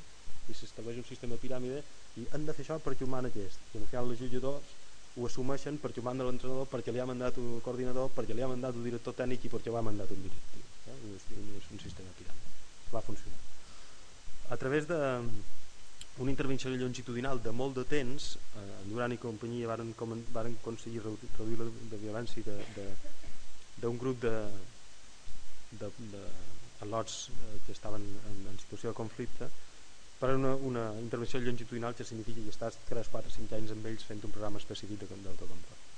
I finalment s'ha fet un, un, un, un programa bastant interessant per reduir sancions que directament, és a dir, tenim moltes targetes, volen tenir menys, eh? fem un programa específic per, per reduir aquestes sancions a través d'una intervenció psicològica eh, que té en entrenadors s'ha fet molta cosa eh, sobretot sobre millorar l'estil de comunicació és a dir, com comuniques com presentes la informació als vostres, als vostres, als vostres esportistes, etc. Un altre amic, el senyor Weiner, va fer un, un, un establiment d'objectius, eh? s'ha fet assessorament psicològic entre dos per augmentar l'esportivitat, que és una miqueta el que teniu aquí, eh? en aquesta espècie de dossier que teniu aquí, que el podeu consultar una miqueta i després ho comentarem, etc. Eh? I s'ha fet intervencions sobre orientació a la tasca, que us deia que és l'interessant per reduir. En pares, què s'ha fet? S'ha fet un codi de d'ètica esportiva, se va fer en 92, eh? un de xàleg, 10, 10 normes que han de complir tots els esportistes, Uh, S'ha fet una campanya de promoció esportivitat per pares molt important, que és, que és, que és aquesta, no? tenim un tríptic molt petit a les carpetes, però aquí és una campanya sencera, molt completa, molt interessant, podeu consultar, és un material que es pot uh, utilitzar de forma lliure, tot i que és de l'Ajuntament de Barcelona, no passa res. No? Uh, S'ha fet una millora d'habilitats socials entre pares i entrenadors, perquè ja és, entre, és aquí on existeix moltes vegades conflicte, eh? molt de pares són entrenadors en potència eh? i a vegades aquest conflicte no funciona i una de les coses que ha funcionat més bé és un club de Juego Olimpio que eh, l'associació de, de federacions esportives de Vizcaya i l'Atlètic de Bilbao i tal, segur que tenen bastanta tradició ja a funcionar han fet aquest club del Jornet o club de Juego Olimpio i bueno, una sèrie de coses interessants per implicar en pares. Bueno, anem a la pràctica, el que interessa. El que jo vos propos que vam fer nosaltres i que va funcionar bastant bé per les dades que vos donem després Bien. si volem intentar millorar l'esportivitat en general dins el nostre club no podem intentar només millorar-la dins el nostre equip o per dues persones no? ho hem de fer en context global a nivell de club. Hem de fer una estratègia, hem de fer el president director tècnic i tothom que hi hagi allà i dir, ah, mos ho i ho volen millorar. Ho provam vale, doncs ha de ser una decisió col·legiada i ens hem d'explicar tots. És dir, això és punt número 1 perquè si no és impossible eh, intentar abordar una, una millora genèrica de, de l'esportivitat i, i de fer play és important intentar fer intervencions a diferents nivells no fa falta que sempre sigui els entrenadors, uns esportistes i no pares, que seria tres de, les, de, les pates importants, o si, i si n'hi voleu afegir més altres tècnics, en periodistes que ens cobreixen del, diari local de propet, i quant més d'aquests agents impliquem, millor. Eh? Però si és possible sempre, com a mínim, involucrar a qualcun més que no sigui només l'esportista. Com a mínim, esportista-entrenador. Com a mínim aquest binomi. Si és possible, afegir quan més agents, millor. Eh? A través, eh, eh en aquest dossier que teniu, la, si vos hi fixeu, és, és molt bàsic, és, i al final és informació. Eh? Accions que puc fer per promoure l'esportivitat fair play. Pues, desenvolupar objectius de l'esport escolar, perquè són, són per aquesta gent. Eh? Promoure la filosofia d'entrenador d'esport escolar. És a dir, som entrenadors d'esport escolar. Pues està super orgullós de ser entrenador d'esport escolar. Que no sigui eh? un, un pas de transició perquè ja m'agradaria estar més cap allà o més cap aquí no, intentar a dins el club fomentar la figura de, de, de l'entrenador de categoria inferior eh? no contra, és que ets el més important no, ets, ets el que ets, ets estàs amb aquesta gent i amb aquesta gent toca fer feina d'aquesta manera eh? vosaltres ja tocarà fer feina d'una altra manera eh? però amb aquests amb aquests infants eh? És molt important eh, recompensar l'esforç, fer feina sobre l'esforç. Segur que els infants ara tenen una problemàtica molt important i que segur que vosaltres que sou eh, més grans segur que us heu queixat moltes vegades és que no tenen capacitat d'esforç els infants ara. Hi ha hagut un problema que en els darrers 20 anys han passat de que els nins per fer cosa han d'estar motivats. Ens han basat en la pedagogia de la motivació, la qual ha estat el gran error de l'educació en general del segle XX perquè ara si l'infant no està motivat no vol fer res. I nosaltres, malament les coses no ens motivin, moltes vegades han de fer moltíssimes coses. I aquest pas de la motivació a la voluntat, és a dir, s'ha de fer perquè s'ha de fer i prou, i punt, ho has de fer perquè sí. Aquest pas l'hem perdut. I ara és molt difícil de recuperar. I la cultura de l'esforç va lligada en això. No? i si no hi ha cultura d'esforç difícilment eh, podrem intentar abordar qualsevol cosa perquè no. Ells mateixos els esportistes diuen oh, això ja no me motiva. I més ho utilitzen perfectament, no me motiva. Eh, no te motiva, però me sap greu no te motiva, pues ho has de fer? Fer aquest pas és complicadíssim eh? hem d'intentar recompensar molt l'esforç perquè les persones vegin l'esforç val la pena, però clar, ha d'estar molt recompensat. Normalment tenim tendència a recompensar l'èxit més que l'esforç, però en categories inferiors hauríem d'intentar recompensar més l'esforç que no l'èxit, eh? sobretot si volem intentar millorar això. I una cosa fonamental, que és super prioritari amb infants, és ensenyar reglament. Ensenyar bé el reglament. És a dir, en què juguem? A futbol? Pues el futbol és això. Eh? No és quatre normes bàsiques per anar jugant nosaltres mateixos hauríem de ser super experts en reglament i hauríem d'ensenyar molt de reglament és fonamental eh? perquè precisament recordeu lo que era fair play és un principi de justícia per tothom però en la base de no guanyar un avantatge injust ni per sort ni perquè l'hem provocat clar, aquest avantatge injust a lo millor ja me pens perquè per costum ara quan la pilota se lesiona un company, l'han de tornar, me penso que és una norma, això no és una norma. Hi ha una norma suficient per si passa això. L'han de conèixer. Ah, valor dividir, valor en terra. D'acord? Però anem creant dinàmiques eh? i el reglament a vegades se va quedant allà. El reglament és fonamental en aquest esport molt, perquè és un reglament molt ric i, i, i moltes adaptacions. Eh? En tots, no? però mi aquesta és important. Bé, una altra pata d'aquesta intervenció que podem fer per intentar millorar això són els jugadors, està clar. Els jugadors, el que més bé els hi va és que entre tots els companys feien el mateix. És dir, la influència dels iguals, la influència dels companys, és el que més força fa un infant. És el que passa amb un pare quan dius oh, jo faig una feinada nostra, però després va a l'escola i amb aquell quatre gamberros ho espanyen tot. Pues, pues és així. És a dir, perquè la influència que tenen els iguals és moltíssim més alta que la que tenim pares, entrenadors, tècnics o la que jo.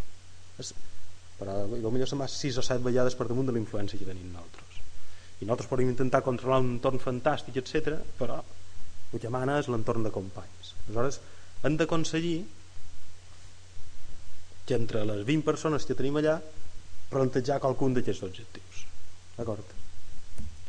i finalment intentar involucrar pares eh, amb aquests estudis, amb aquestes filmacions que fèiem és divertidíssim veure la implicació de pares és, és, és espectacular vosaltres no sabeu més bé que ningú si vols passejar per camps eh? de veure quina és la implicació que tenen eh? en aquest cas nosaltres utilitzam aquest tríptic que és molt senzill, és un tríptic també va fer l'Ajuntament de Barcelona, va col·laborar amb Forges amb aquesta vinyeta, etc. I és un decàleg de bona pràctica d'un pare si vaig a veure partit, què he de fer? Pues, aplaudir més uns certs seus errors fixar-me a les coses positives només aconseguir que cada pare tingui això i que s'ho llegeixi és un èxit espectacular només aconseguir això eh?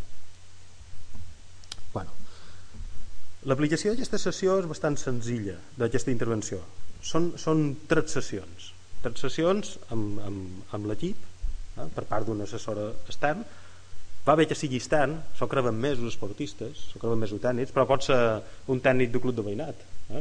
Te'l fem venir un dia, escolta, va, fem-nos aquí quatre cosetes. Al final que dugui, qualcú de fora que vos dugui la informació, mira, vos dugui una informació. Eh? O un directiu, vols venir una informació, vinga, vull que mos empollem el reglament, vull que mos, entre tots intentem decidir quins són els objectius nostres. Eh? Un poc el que, el veureu aquí, que teniu una sèrie de passes per seguir d'acord?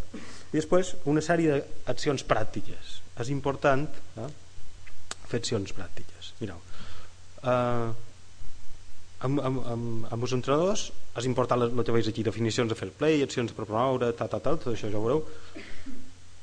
Però sobretot de darrer punt, això que veus aquí de visualitzacions. Visualitzacions no és, no és res més que lo següent, és, mira, jo gravo partit i després te pos trossos del teu partit.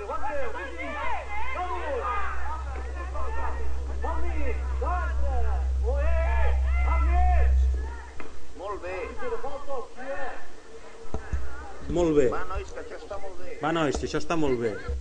Aquests missatges, si els agafam en el nostre entrenador, els, els anem gravant, després agafam això i anem, i li posam. T'has fixat com aquí fas un reforç positiu molt bo, etc. Eh? I li feim veure l'entrenador i els jugadors. Molt ben recuperat. No perdem la pilota. Molt ben recuperat, no perdem la pilota, tot en positiu. Pues ja fam exemples, està clar que no estarà tot el partit fent això. Nosaltres el gravam, seleccionant petits trossos que són positius, que a nosaltres ens interessa, i li mostram. Igual que el contrari, negatius. Porter, no et deixis caure. Porte, no te deixis caure, hombre. És el que li diu aquí. Per favor. Eh? Visualitzacions. Funcio... És el que més funciona. Eh? És un aprenentatge, eh? un, un modelatge sistemàtic, eh? és a dir, mos veiem en altres mateixos com actuam. Potser mos veiem aquí només te sents. Quan te mostren, te veus a tu dirigint un partit, partit perquè pot, se pot fer simplement en els entrenaments, eh? Gravar tècnics i després anar a mostrar-li trossets, no tot, eh? no li mostres tot per dir, selecciones trossets i li vas a mostrar d'exemples que creus que són interessants, de coses positives i de coses negatives. Vaig aquí, ha d'un poll llarga i al final ens fan un gol en contra. Llàstima, estava bé això. No passa res, eh? Dir, en vez d'utilitzar què feis, animals, no sigueu burros, això, a lo millor ni, ni li mostraré mai. Eh? Simplement vaig i li vaig a mostrar sobretot les coses positives, el que més pot interessar. D'acord? És de tot això que veus aquí, a part d'aquests jocs de col·laboració, col·laboració, activats per resoldre situacions de col·lectiu, les visualitzacions és el que més, el que més funciona. Una altra cosa és, eh, no sé si estàu acostumats a fer xerrades, xerrades de motivació en els vostres esportistes. Mira, això és una pel·lícula molt xorra, aquestes americanes. Eh? Però és una xarra d'un partit eh, previ de la futbol americà de, de nivell d'institut. Però veureu, només dura 10 minuts. La pressió que els hi posa en aquests esportistes l'entrenador. Els hi posa tota la pressió, els hi posen els jugadors.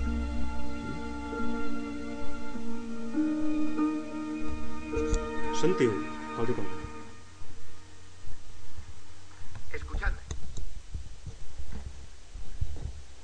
todo lo que habéis conseguido hasta ahora Sí, no vale nada.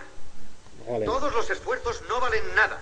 Y los partidos ganados no valen nada si no ganáis esta noche. Sin título de distrito, no se juega el estatal.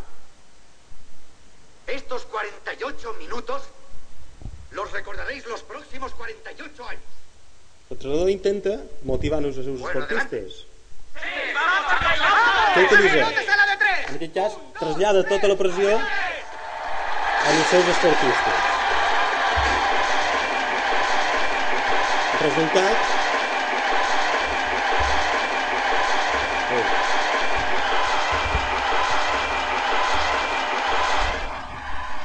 Ah, s'ha s'ha tornat loco, això.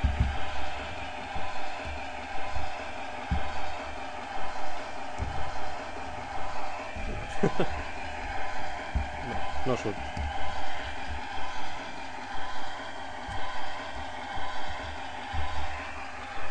Re- el resultat li traspassa tota la, tota la pressió a l'esportista.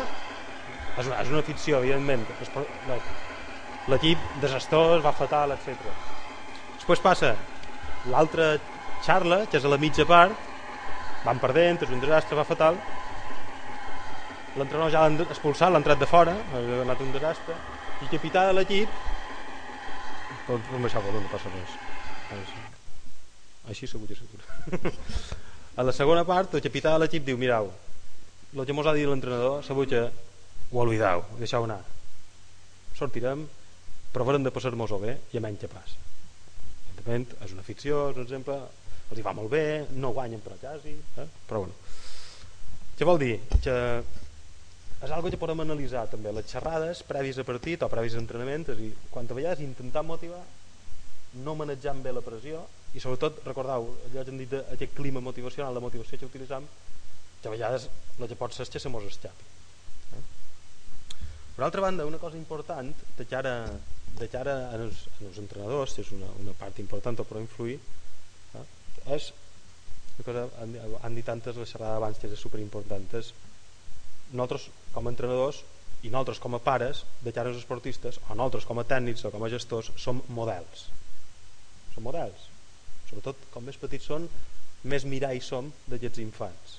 Aleshores qualsevol cosa que fegem per ells serà un modelatge, un comportament a, a imitar aleshores si nosaltres intentam ser model pues, benvingut serà de cara a la, la tercera, recordeu, feim una intervenció amb jugadors, una intervenció amb entrenadors i una intervenció amb pares. Amb pares, bàsicament, recordeu, és fer-li saber el que volem. Nosaltres volem que vengeu a veure partits però que vos quedeu xelladets, dir-lis, eh? que animeu molt els vostres, els nostres esportistes però que no digueu res als altres que ho sàpiguen, que fins i tot tenim una espècie de pseudonormativa de, de crítics informatius del propi club de com s'han de comportar els nostres espectadors, una normativa d'espectadors eh? són, són eh, tonteria, bueno, és una tonteria però són quatre fulls, quatre fotocòpies per repartir que creen sensibilització i fan que aquests, eh, aquests espectadors que bàsicament són familiars a més en aquestes, en aquestes categories pues potser s'ho repensin de fet se va fer una experiència eh, de que el comportament de la grada influís en un partit. És a dir, que si hi havia una agressió verbal molt gran per part de la grada l'àrbit podria atu- aturar el partit identificar de quin costat era aquell supporter aquell, eh, aquell, i això afectava negativament el resultat. És a dir, era un gol en contra de l'equip de que aquell pare havia és una barbaritat així per damunt, però se va provar, se va fer. Igual que s'han fet intents de targetes blaves i la FIFA ha fet ja molt d'invents eh? Se van fent invents i se van, se van ficant cada vegada cada vegada més aleshores la idea és això intentar entre tots els que podem estar implicats a nivell de club eh? a dins aquella estructura de- d'aquells esportistes recordeu, eh? de, de 6 a, a 16 anys eh? per damunt si no hem fet la feina ja no la farem ja no hi ha res a fer massa greu, ja hem fet tard eh? però si hem de fer la feina l'hem de fer amb els infants petits d'intentar eh? fer, fer aquesta feina bàsicament moltes gràcies Rubén eh? això és el que vos de... de cara a pares bueno, és és una opció fer un tríptic que va anar molt bé va tenir moltíssim d'èxit perquè per la repercussió que tenia pues, una simple vinyeta de Forges que tothom els llegit sempre no? però és bastant cert és a dir, què pensa un infant? Diu, oh, quin plasta de pares que venen aquí que només me diuen el que he de fer, jo vinc per jutjar bé per, per, per passar-me bé d'acord? i tenint en compte recordeu, l'aprenentatge per imitació aquest, aquest vídeo segur que l'heu vist mil vegades eh? és una associació una associació australiana que va veure aquest vídeo de comportaments en general es diu Children Sees, Children i és què fan els infants? el que no van fer Looks like rain again today. normalment un infant fuma perquè ha fumar Dark un infant pella perquè ha vist pellar gather, fill the sky. de cara no pares Don't que a més know veure això how és to fonamental talk to per nosaltres és important com a model Just know ho how sabem, to ho portar bé per, per pares és fonamental si són capaços de gravar-los no hi ha fent exposicions que no ens agraden i podem fer veure. aquest comportament de modelatge és fonamental. I que un pare, que un entrenador. Estiu se vegi retratat i veure-se que ell pot ser un mirall d'això.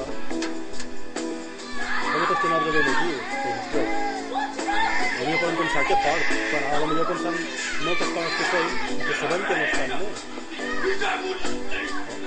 I és important fer aquesta, ja, aquesta petita reflexió perquè un nin fa el que veu. Fer aleshores hem de tenir en compte si donem bon exemple probablement tindrem més possibilitats eh, de que vosaltres eh, mos, mos donin bon exemple les intervencions en jugadors si són tríptics, eh, etc. Eh? Teniu també aquest tríptic petit, no m'ho ja més, però ja estic fora de temps. Eh? I, bàsicament, eh, fer el que veus aquí, jocs de presentacions de concepte de col·laboració. Nosaltres, en, en molt d'entrenaments, directament anem a la feina que teníem prevista per fer. Podem organitzar un estelfament d'un altre tipus, sense robar temps a les nostres sessions, però fomentant les feines de, de col·laboració, utilitzant fins i tot jocs d'altres esports, però que serveixin molt per col·laborar tots, tots coneixereu i tindreu mil jocs de col·laboració si no, que n'hi ha 14.000 penjats a la xarxa eh? però la col·laboració d'inici és la principal font on després podrem treballar altres, altres valors després passar a la col·laboració-oposició i finalment provocar situacions de conflicte és a dir, provocar jocs on sapiguem que per la pròpia situació de joc si, hi haurà conflicte però nosaltres som allà per mediar d'acord? Si, si, eh, sobretot superioritats o inferioritats numèriques que sabem que allò verà malament és provocar-ho d'inici eh? com una activitat dins, un, dins antes de fer un rondo etc. provoquem allò i a veure què passa d'acord? molt ràpidament me saltaré això perquè això és com se va fer la investigació però en els resultats que vam aconseguir m'aniré ràpidament. Bàsicament perquè vegeu aquestes són individuals entenc, aquesta, fixeu-vos. En un grup, un grup control és aquell grup que tu analitzes però no fas res amb ells. És a dir, els filmes i els observes i ja està, i després en el final de la temporada els tornes a observar, els tornes a filmar i ja està. Si vos hi fixeu aquest grup control, eh, les conductes pro fair play, és a dir, ajudar donar la mà, tirar la pilota fora, saltar per damunt un contrari, etc. Totes aquestes coses n'hi havia un 11%. En el final de temporada, igual. De les conductes contràries en el fair play, a començament de temporada un 33%, en el final 37%, al final de temporada i la gent s'espolsa més. I faltes de contacte, més o manco. Se mantenia més o manco eh? igual. Però fixeu-vos, amb el grup experimental, que és aquell on hi vam intervenir, vam estar fent feina amb ells, les conductes pro fair play baixen una mitja probablement ens vam explicar perquè era això, costava al final de la competició i hi havia pressió. Les conductes anti-fair play eh, més o menys estan igual veus? u dos abans està més o menys igual. Però en el final varen aconseguir que les faltes de contacte se reduïssin un munt sobretot perquè la gent va ser molt conscient de que amb això s'ajullava moltes targetes i s'ajullava moltes, moltes sancions. Les conductes anti-fair play varen vamos, davallar molt poquet però les, les d'ajudar, les d'animar, les d'ajudar en el company És a dir, les de transmetre valors positius varen augmentar una barbaritat, d'un 9% a un 38%. És a dir, bàsicament fent això, eh? donant informació a pares, donant informació a tècnics, fent que sabeixen vídeos, etc. I als infants intentar intentar que aquells entrenaments fossin una miqueta més divertits. Bàsicament això. Com a reflexió final, intentar crear un clima motivacional gran. Mm? Els esportistes volen jugar, divertir-se, si poden també guanyar, però sobretot volen jugar i divertir-se en aquestes edats. Eh? Intentar que els esforços siguin una miqueta cap a un esport una miqueta més educatiu, o sigui que quan un infant se'n va de l'entreno li poden demanar un sendemà ja vàrem fer la sessió passada i no, mos, no només mos digui ah, vàrem fer un rondo i partidillo sinó que qualque dia mos digui ah sí i, i, i vàrem veure què hem de fer quan veiem eh, que un company se tira i no s'hauria de tirar. De tant en quant, no vol dir que sempre però que us record dels entrenos anteriors a vegades duguin associat qualque cosa que li podríem considerar com a educativa. Si fos possible hauríem d'intervenir sobre les, normes però ja sabem que és complicat. I si fos possible hauríem de fer una normativa específica sobre, sobre públic assistent i si és possible eh, augmentar les campanyes cap a no pares esportistes en resum i això és el resum eh? recuperar l'original essència de l'esport jo no sé si sabeu quina era l'original essència de l'esport però ara us posaré un paràgraf de l'any 1850 fa 4 dies ja que va sortir una revista que s'ha de punys i és la definició d'esportista què era un esportista l'any 1850? Doncs pues mirau, era aquell que no solament ha envigorit els seus músculs i desenvolupat la seva resistència mitjançant la pràctica d'algun esport que era important sinó que amb aquesta pràctica ha après a reprimir la còlera. A ser totalment a, perdoneu, a ser tolerant amb els companys que és molt. A no aprofitar-se vilment d'un avantatge i ojo, a sentir íntimament com un deshonor la mera sostípita d'una trampa i a suportar amb el cap alt i amb alegria el desencís d'un revés. Això, senyors no era un esportista l'any 1850 si poguessin recuperar una miqueta l'essència de l'esport estarien gràcies. Moltes gràcies.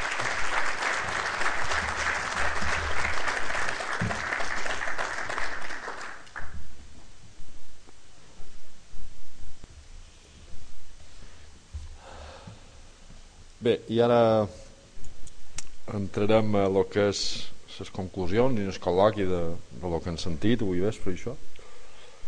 I a banda dels dos, dels dos ponents que tant en el senyor Salvador Farnés com el senyor Pere Antoni Borràs hi prendran part també eh, tres persones més tres senyors més. Un és el senyor Peter Schreiner no sé si ho dic bé no, eh, col·laborador a l'Institut pel Futbol Juvenil, actua, eh, autor de diferents llibres i un d'un DVD de l'entrenament de futbol i creador del sistema PSS. No sé què és. Eh, en segon lloc també prendrà part eh, un, el senyor Pep Medina, jugador de futbol escolar eh, des dels 10 anys fins als 24 que es va retirar per lesió i actuar sempre com a porter. Directiu de l'escolar més de 10 anys començant amb en Ramon de les Cuines en Jaume Moll i Miquel Bestart formant part de la manera activa del grup de persones que va establir la nova normativa de règim intern i manera d'entendre el futbol base al cap de Pere més dirigida cap a la formació que no a la competició. Eh, àrbitre de futbol arribant a la categoria preferent i avui en dia es dedica a fer d'àrbitre a les categories inferiors de futbol. I en tercer lloc, eh, un senyor que pràcticament no necessita presentació, perquè és de tots coneguts, dels que vivim molt de futbol, és el senyor Antoni Prats, simplement eh, Mallorca 91-95 Celta de Vigo 95-96 Betis 96-2005 Mallorca 2005-2007 i Hércules 2007-2008 eh, per començar el, el col·loqui pues, farem des d'aquí una pregunta a cada un dels no ponents i seria interessant que si qualcú de vosaltres té res que demanar pues, que fos una pregunta molt concreta que no mos allargassem perquè hem de mirar que això sigui dinàmic i ràpid. I jo per exemple eh, els formularé una pregunta. ¿entiende el catalán? no. Vale. Pues haré una pregunta a cada uno de ustedes menos a los señores que, que no han hablado antes que han hablado antes perdón Eh, al señor Peter. Pues por ejemplo eh, yo no sé hasta qué punto qué contacto tiene con el eh, fútbol de aquí de las islas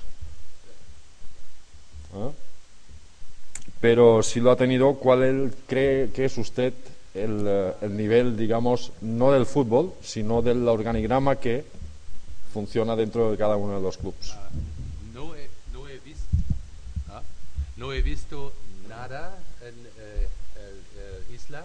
Ah, ah, vivo aquí en Mallorca ah, desde hace eh, un año y am, aprender español. Español. poco- aprendo eh, español poco a poco.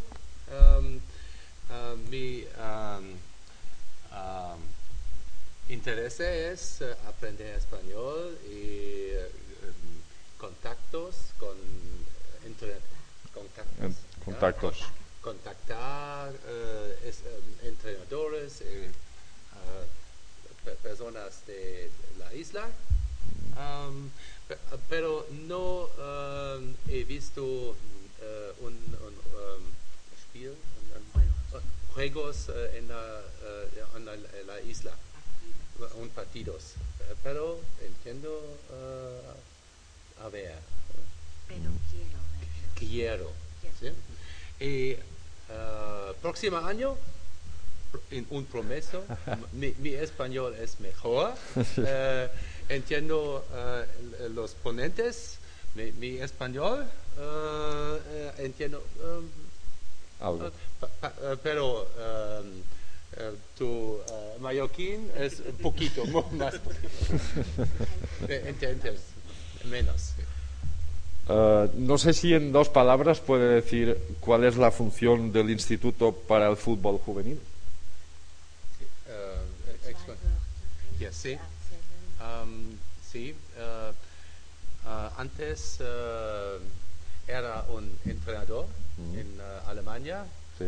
y eh, mi in- instituto es eh, eh, produces, eh, produces eh, DVDs y em, Bücher, eh, es, Libros. libros y eh, voy a eh, diferentes länder, Seminarios. a, a miércoles voy a Dubai. so, en, este instituto es para seminarios. Muchas gracias. por- por- Um, por entrenadores. Para entre- Para entrenadores. y profesores. Uh, Antoni, Antoni Prats uh, Toni, ara que mm, tot, has deixat tot el tema, tema professional i, i te trobes en la en sa situació de que tens un, un infant teu que juga a futbol i que cada dissabte me dius que vas a veure un partit de la Vins uh, Bon vespre. Bona? Bo- Bon, bon vespre. Ah, vale. Uh, com ho veus en això del tema de, de certs comportaments ja sigui a dins com a fora del camp ja sigui entrenadors eh, delegats, pares eh, t'havies fet una idea de lo que passava o, o era una cosa que t'havien dit i que tampoc no t'ho creus molt en això? Eh, no, el que està clar eh, és que tot és millorable. Jo crec que aquestes dues ponències d'avui han estat totes dues extraordinaris que haurien d'aprendre moltes coses d'aquestes dues ponències però bé, de qualque manera jo eh, he estat jove, no fa molt d'anys Ja ara veig, jo. eh, jove petit Ah. eh, amb edat de- d'aprendre no? i eh, el que està clar és que eh, les coses no han canviat molt eh, pens, vaja, el meu punt de vista, no? Sí que la societat ha canviat i els al·lots han canviat, les maneres d'ensenyar crec que no han canviat molt, però sí que hauríem de treure conclusions d'aquestes dues ponències d'avui per, eh, de qualque manera, millorar i fer millorar els al·lots en tots els aspectes. I en darrer lloc, pues, per, pel senyor Pep Medina, eh, moltes de vegades, Pep, tu saps que eh, mirant partits de futbol, eh, estat sagrada, això, eh, sempre comentant coses dels àrbits i coses aquestes, no? Però jo dissabte passat mateix me vaig trobar amb, una, amb un partit, un partit de cadets, aquí on eh, se va crear, o sigui, va ser un partit, no és que fos un partit dur, sinó que fos, fou un partit molt intens, però que en el final del partit la cosa se va complicar i molt per una decisió arbitral no? penses que a vegades vos, com, vos, eh, que a vegades jo som el primer que ho ocupem no? que, que dic, és que se compliquen la vida ells mateixos Uh, bon vespre. En primer lloc, donar les gràcies a l'Ajuntament de Cap de Pere i a tots els col·laboradors que m'han convidat en aquestes jornades. I respecte a això, pues, què t'he de dir? Com a àrbit, te diré que som humans. Crec que el nostre professor d'escola hi va dir ben clar, dir, ha d'haver una, una forma de pensar que l'àrbit també se pot equivocar. Sí, i eh, jo penso que el que ha dit ell, que li estem donant massa importància en el resultat, jo crec que hauria d'haver altres prioritats dins aquest món del futbol que no és guanyar i a perdre i des de, fins que això no se pugui aconseguir de que s'accepti que una persona se pot equivocar jo no vull valorar una labor determinada jo sempre he pensat que un àrbit quan surt a mig del camp ho fa o, o surt amb intenció de fer-lo el millor possible en cap moment perjudicar, per molt de ràbia que li tinguis en aquell entrenador que cada dissabte t'emprenya o que te molesta i tal. És dir, jo penso que eh, un àrbit eh, antes d'àrbit és persona i per tant crec que fer una injustícia de forma conscient i, i motivada per algo no existeix. Per tant, eh, penso que el que ha dit també, ja me remeteix un poc perquè m'ha agradat molt tant tant de, de, de la ponència del senyor Borràs com d'en Salvador de que ets, a lo millor dins del món de l'arbitratge s'hauria de canviar un poc la filosofia de que els bons entrenadors i els bons àrbits no haurien només de pitar les categories mm, dir-li de tercera, dir-li de preferent o el que sigui. Jo crec que hauria d'haver molt bons àrbits, dir-li de tercera, dir-li de preferent, dir-li de primera regional, arbitrant precisament aquests eh, partits de futbol base que a fin i al cabo són els qui se poden ensenyar les eh, bones conductes i les, bons, i les bones costums perquè a segons quines edats ja ensenyar segon aquí mos costa molt eh, explicar. Ara torno a repetir que jo sempre defensaré els àrbits perquè pens que van de la millor bona intenció i mai duen malícia amb aquest, amb, amb, amb, amb res predeterminat uh, ja, ara si qualcú té, vol demanar un cosa pues, simplement d'aixecar el braç o directament. Jo deixaré caure una altra pregunta que la respongui és qui cregui que l'ha de respondre i després ja amb altres mateixos. Uh, va per qualsevol de vosaltres i quin després d'haver de, de, sentit el senyor Pere Antoni Borràs eh, parlant d'això de me n'he d'anar a Cat de Pere i damunt encara perdrem i som de Palma una hora i mig de camí no sé què vale. quin creus que seria el millor sistema de lliga per evitar tota aquesta mandra i tota aquesta en els al·lots no? Quins, no sé si per país basc per allà dalt no tenen classificacions això simplement se dediquen a anar a fer partits. Podria ser una solució aquesta.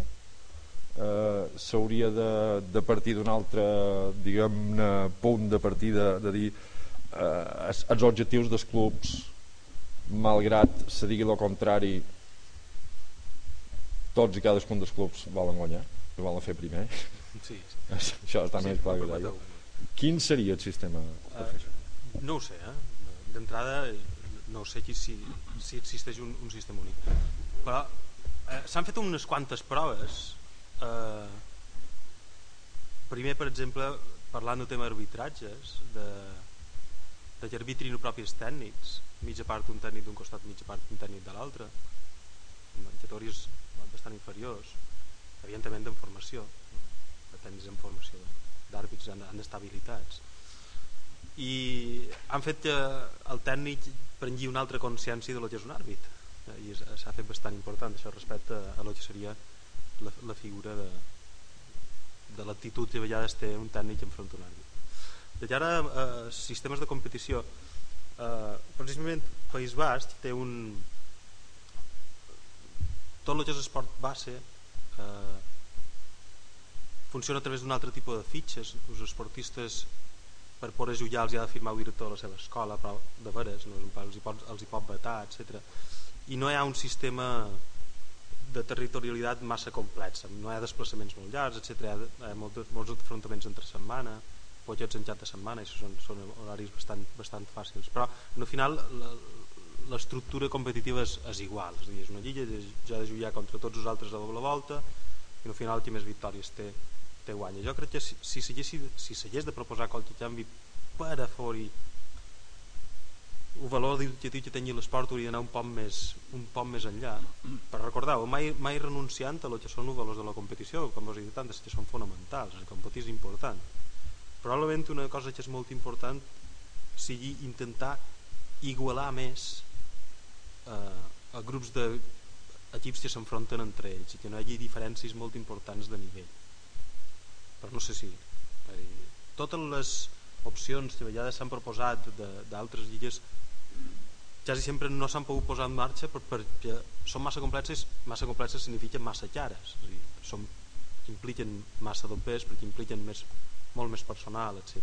el tema és plantejar-se si mos agrada aquest, aquest model si mos agrada a nosaltres eh, i, perquè si s'hagués de fer un canvi s'hauria de fer un canvi estructural bastant, bastant important a lo millor en duracions de partits més diferents amb desplaçament molt curts amb amb sistemes de puntuació que no fossin de, de doble enfrontament sinó de, eh, de, de sumar punts no perquè guanyes un partit sinó d'anar fent punts d'una altra manera. És a dir, altres esports ho han resolt d'altres maneres i, i els hi ha anat bé amb aquest aspecte però per altra banda han perdut que seria molta visibilitat de cara a espectadors etc. Eh, és, és, és, és difícil és difícil perquè al final si l'esport que tenim a dalt, l'esport com a model d'espectacle funciona, a la gent li agrada i és evident que a la gent li agrada perquè si qualque cosa veu la gent és futbol com a mínim en aquest país no? tindrem tendència a anar cap en aquell model ara de cara a l'esport sobretot fins a infantil ja lo millor un sistema que puguin utilitzar a l'esport no federat de diades, de trobades probablement és més interessant respecte a la promoció de Fair Play. És possible. Vos ho podré contar l'any que ve. Ara enguany estan comparant què està passant en l'esport federat versus l'esport no federat en aquest, en aquest respecte eh? respecte de promoció de, de valors socials positius i immensa diferència. Hi ha esports que són molt clars i que tenen lliga federada i lliga només de trobades de dissabtes per dir-ho de qualque manera i estem analitzant això. Però volem dir respecte a la promoció de valors socials positius de cara a altres indicadors és, és, és mal de dir no sé, no sé si teniu qualsevol altra idea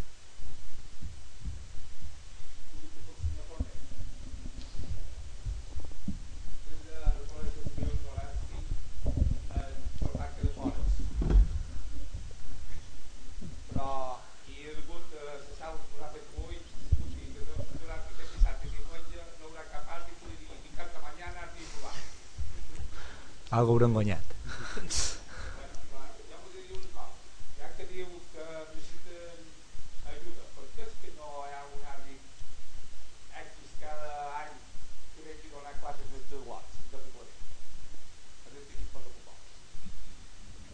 jo crec que l'oferiment per part de l'escola de, del comitè d'àrbits i de l'escola d'àrbits sempre ha estat a tots els clubs eh, nosaltres anualment ens oferim a la federació perquè tots els clubs que estiguin interessats pues, calcula l'escola qualque àrbit va i donar-los una xalda la veritat és que la resposta que tenim per part dels clubs és mínima.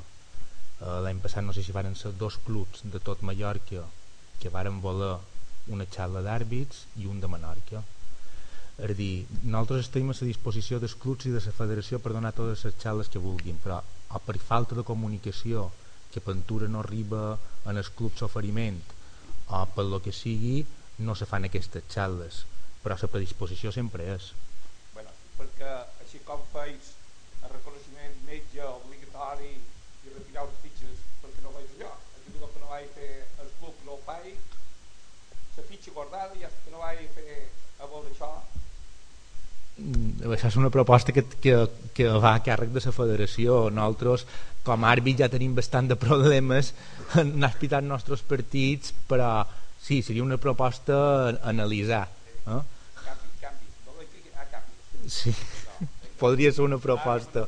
Podria ser una proposta però per part del comitè d'àrbits eh, jo crec que hi ha una predisposició total en, en donar totes les xales que siguin necessaris per, per el bé des, de lots, del club, dels jugadors i de qui sigui.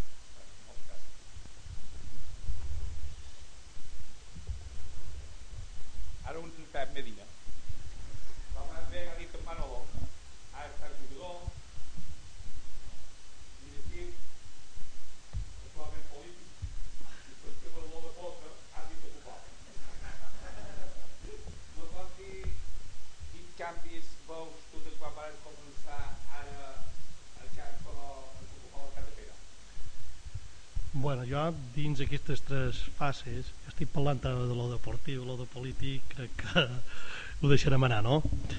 Uh, jo, pues, lògicament, on més gust passes és quan jugues a futbol, això és inevitable. És dir, tota persona que practica deport, o on realment se realitza, o jo o on més me vaig realitzar i per motius de lesió em vaig de deixar, va ser jugant a futbol. Després, eh, que destacaria de, de, de, després, eh, a part de l'arbitratge, li dono preferència en aquests 10 anys que vaig estar dins l'escola com a directiu. Pues jo vaig entrar efectivament quan en Ramon de ses Cuines, com bé ha dit en Manolo Montaner, el presentador ha dit, com a directiu, i varen trobar l'escola pues, amb una situació bastant, eh, que diguem, pues, dins les seves possibilitats bastant, bastant eh, baixes. Entonces, nosaltres la primera passa que varen donar eh, amb el rebot de les cuines que em van descansi va ser fer un reglament intern. On pues, eh, teníem una sèrie de, de, de, de conceptes i de prioritats que les varen posar en pràctica. I per nosaltres pues, va ser una gran alegria quan nosaltres varen parlaven de que estem parlant de futbol base fins a nivell de lo millor de cadetes. Nosaltres parlàvem en, aquell, en aquelles fetges de que tots els jugadors eh, fins a aquesta edat havien de participar en el, eh, en el partit. I no bastava pues, que un senyor anassi convocat i se passàs els, els 30 o els 35 o els 40 minuts perdó, en el banquet sense sortir. Entonces nosaltres quan vam començar a, a parlar d'aquest tema pues, lògicament i aquí hi ha bastant d'entrenadors que vaig tenir hagut de poder, de poder eh, tenir-los eh, dins el club eh, varen tenir les nostres diferències. Nosaltres defensaven de que havien de jugar tots els al·lots ja no entraven dins les eh, valoracions s'havien de jugar per temps igual tots, perquè entenem que millor pues, un partit difícil se podria, se podria posar o un jugador més o un jugador menys. Però nosaltres pensàvem que per fer un club com l'Escolat, estic parlant de l'Escolat, no estic parlant ara de, del Mallorca ni del Madrid, que tenen altres interessos i altres pretensions més que formar estrelles, crec que l'Escolat no està creat per fer aquest tipus de, de, de treball. Entonces, nosaltres varen començar a exigir i posar damunt les normes que els jugadors jugassin un mínim de, de minuts. L'alegria nostra, que molts va dir bueno, no anaven tan desencaminats, va ser quan varen començar a veure que la federació començava a implantar i de forma obligatòria tant en el futbol 7 que havien de jugar com a mínim una quarta part des, de, de, de, una quarta part de, de, de, dels temps inclús en els alevins infantils i pareix que hi ha cadetes perquè cada, cada cate- categoria té les seves particularitats, varen començar a implantar el sistema de que fessin de que jugassin tots els, tots els d'això. Per tant, jo a on més me vaig realitzar i a on més he disfrutat ha estat com a, com a, com a directiu. En el món de l'arbitratge, pues, lògicament, hi ha moments agradables i moments molt desagradables. A fin de que, ho comentaven antes de començar aquesta jornada amb en Salvador, de que la gent, i quan parla de la gent, parla pràcticament de, de lo que són els pares, perquè han agafat un pot de consciència de que mm, no han de cridar tant en, eh, en, es, en es àrbit, no han de cridar tant en els xalots, perquè eh, crec que arriba a perjudicar i la imatge que donen és dolenta per al deportista crec que ha quedat bastant clar amb aquestes dues ponències que s'han fet però ja t'he dit, jo en, en contestació a la teva resposta jo a l'època més que vaig passar molt de gust perquè me, vaig trobar una, un grup de gent que pensaven tots ben igual era que hi hagués participació i va ser l'època de, de, com, a, com, a, com a directiu. Vull dir, el col·legi d'àrbits s'ensenya que haurien de tenir també un poquet d'empatia de cara als jugadors quan, quan ells creuen que han tingut una decisió injusta de l'àrbit quan li protesten. I... perquè explic, perquè s'ha de pensar que el jugador va molt revolucionat i a lo millor creu que aquella decisió és injusta i per això protesta. I molt d'àrbit no tenen aquesta empatia tot d'una el treuen de fora. Uh, dins l'escola d'àrbits se, se fa feina en molts aspectes. Mm, la veritat és que un tant per cent molt elevat és amb el coneixement del reglament i un tant per cent bastant menys elevat és amb aquests temes uh, de psicologia a hora d'arbitrar. Vale? Uh, ves veure que som un col·lectiu de 350 persones, quasi 400 en les noves incorporacions, i així com és difícil eh, de dins un equipo de 15 jugadors, 16 jugadors aconseguir que tots fain una mateixa reacció davant una situació és bastant complicat que dins un col·lectiu de 350 persones, 400 tots puguin també reaccionar de la mateixa manera i òptimament davant una situació i tenir aquesta empatia d'un entrenador que t'està protestant davant una injustícia i saber reconèixer que t'has equivocat. Jo crec que molt d'àrbits no mos costa reconèixer que mos hem equivocat. Quan un àrbit ho fa malament almenys en el meu cas són que és primer que me'n vaig malament a que meva. Dir avui no he tingut el partit. I també, encara que no ho creguin nosaltres moltes vegades mos posàvem amb aquesta empatia perquè aguantam moltes coses. Si ja no estiguéssim amb aquesta empatia a la primera ja se n'hi hauria més d'un en el carrer expulsat i, i si se fixa vostra, aquesta empatia també és quan un està protestant i tothom se'n dona compte s'àrbit ser lo suficientment intel·ligent per girar-se i anar-se'n per evitar conflictes. Feim feina menys de que m'agradaria perquè nosaltres també tenim uns recursos humans limitats i un temps limitat a hora de formació eh, feim feina però menys de que m'agradaria en aquest aspecte. I la segona qüestió és el tema de l'aspecte físic és dir, la condició física no l'aspecte físic, la condició. És eh, veu molt de cotillats que a lo millor eh, per pitar l'at petits no és problema però a lo millor a partir de cadet per en van no poden seguir un partit. I clar els, els entrenadors entrenam tres pits a setmana, quatre pits a setmana els dies exigim un, un esforç i llavors se troben que hi ha Sàrvic que potser no pot seguir unes jugades i, i vull dir, no sé si si s'entrena això també. O s'hauria d'entrenar. Mm, nosaltres a l'escola a nivell del comitè d'àrbits eh, s'exigeixen unes proves físiques per arbitrar categoria amateur. Per arbitrar futbol base no s'exigeixen proves físiques. És dir, tothom que està col·legiat pot arbitrar futbol base. Eh, li pareixerà una contradicció i jo crec que és així. És a dir, actualment quan vas a un partit juvenil eh, que vaig sense assistents és més difícil d'arbitrar físicament i d'exigència que un partit de primera regional que per exemple és la meva categoria o un partit de tercera divisió que va ser amb assistents.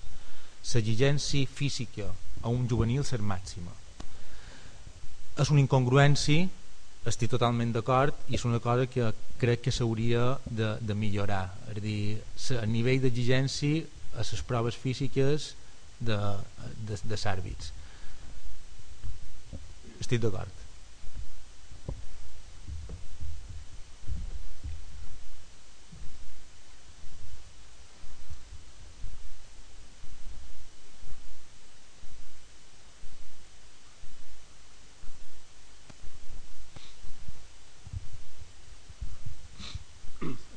Una pregunta per, per, per Antoni, que ha estat jugador professional, com molt bé han dit, i que també, com molt bé han dit, ara segueix un poc el seu, el seu fill.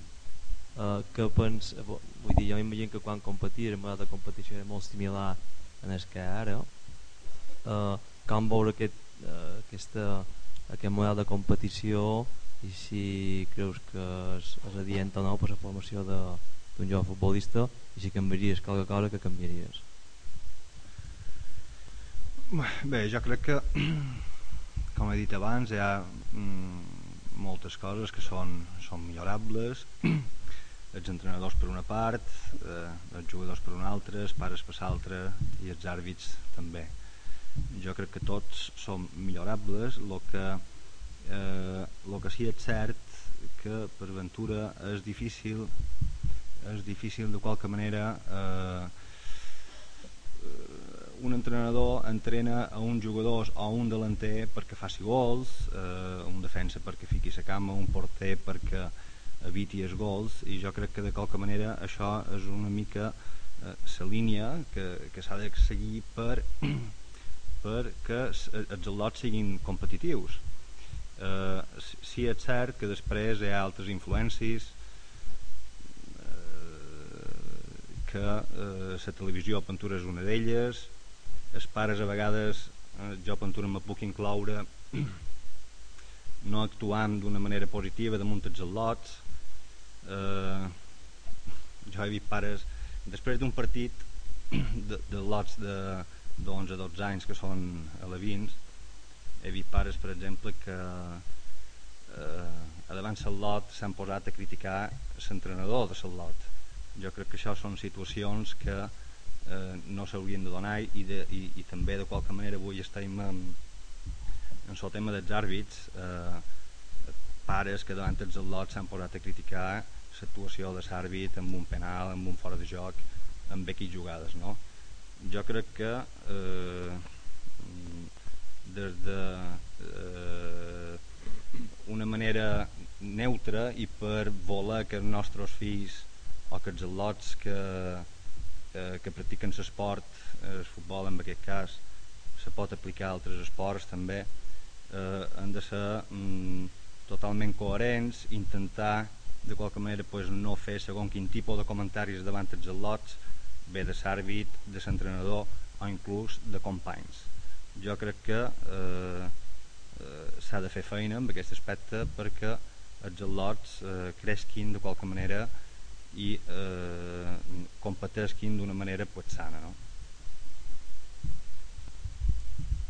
uh, jo volia demanar-li al senyor Borràs uh, tenint en compte que explicava el tema de motivacions l'entorn, etc. Uh, inclús això va sortir un poquet a, a les jornades de l'any passat al cap i a la fi tot i que estem xerrant de futbol base eh, perquè evidentment quan ha és, eh, a nivells més alts doncs ja és una altra cosa. L'aspecte psicològic és clau.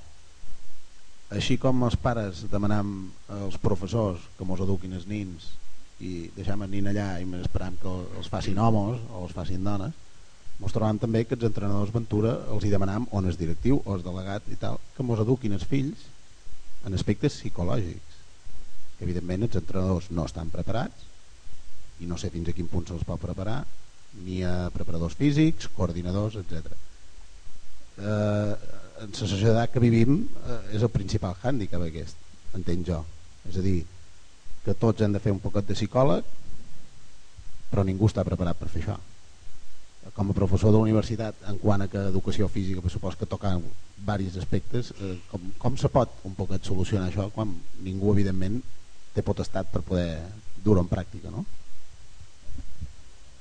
Bueno, la, la, la formació de tècnics ara, ara mateix no està gaire malament. És, dir, és, és quan millor està perquè encara està evolucionant i, i està millor que està mai.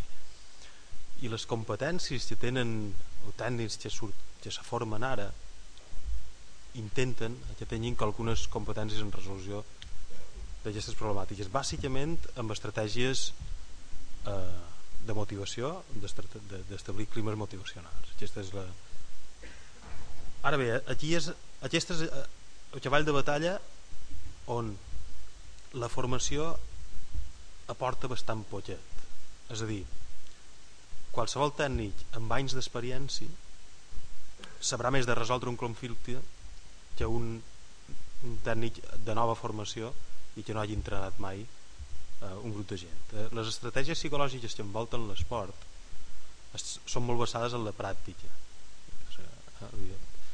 I no hi ha grans estratègies de concentració ni grans estratègies d'establiment d'objectius amb esport base. Bàsicament, la gran estratègia de, de, psicològica és, és en, en benestar, compromís i motivació. Compromís, moltes vegades ens oblidem d'ell, però el compromís és el que fa que us, us els vagin venint i no ho deixin. Que no sé si feis seguiment, però en 14 anys, més o menys, com en 16, actualment ho està deixant més d'un 30% de la gent. De futbol, eh? perquè d'altres esports ni vos compte. És encara més exagerat. Aleshores, com se pot solucionar? Bàsicament amb estratègies de club. El que és in interessant fer és tenir una mateixa línia dins un mateix club. No, no, no, no vol dir que estigui malament la d'un club i la de l'altre, però intentar establir línies específiques amb aquests dos conceptes. Un concepte de compromís, d'establir en aquest jugar a nivell de compromís, quan te'n quedaràs, fins quan seràs aquí, i després amb, amb estratègies de motivació d'establir climes clars o bé orientats en el rendiment és a dir, cada vegada fer-ho millor a intentar ser més competents per jugar més bé o per altra banda intentar eh, simplement venim, ens posem bé, som un grup d'amics i ja està però bàsicament aquesta seria la idea és a dir, intentar establir una estratègia clara des de club perquè el que no pot ser és que us alevins feia una cosa, us feia una altra cada es feia una altra dins un propi club perquè això crea una dissonància cognitiva i quan l'infant canvia de categories no sap, no sap on, on se troba no? a nivell de competència bàsicament seria això perquè les estratègies psicològiques que necessiten a nivell de, de futbol base no van molt més enllà d'això. És a dir, no, no se necessita un gran coneixement previ. El dona més l'experiència d'haver estat en gent que no les estratègies psicològiques que et puguin ensenyar. Que aquestes sí serien molt interessants de cara a la que podria ser concentració, relaxació, etc. que això ja se necessita ja amb esportistes d'alt nivell però això, aquí sí que hi ha un, uh, un, un coneixement d'estratègies psicològiques que puguin ser molt, molt importants Bé, doncs eh, no sé si hi ha més preguntes no, Joan.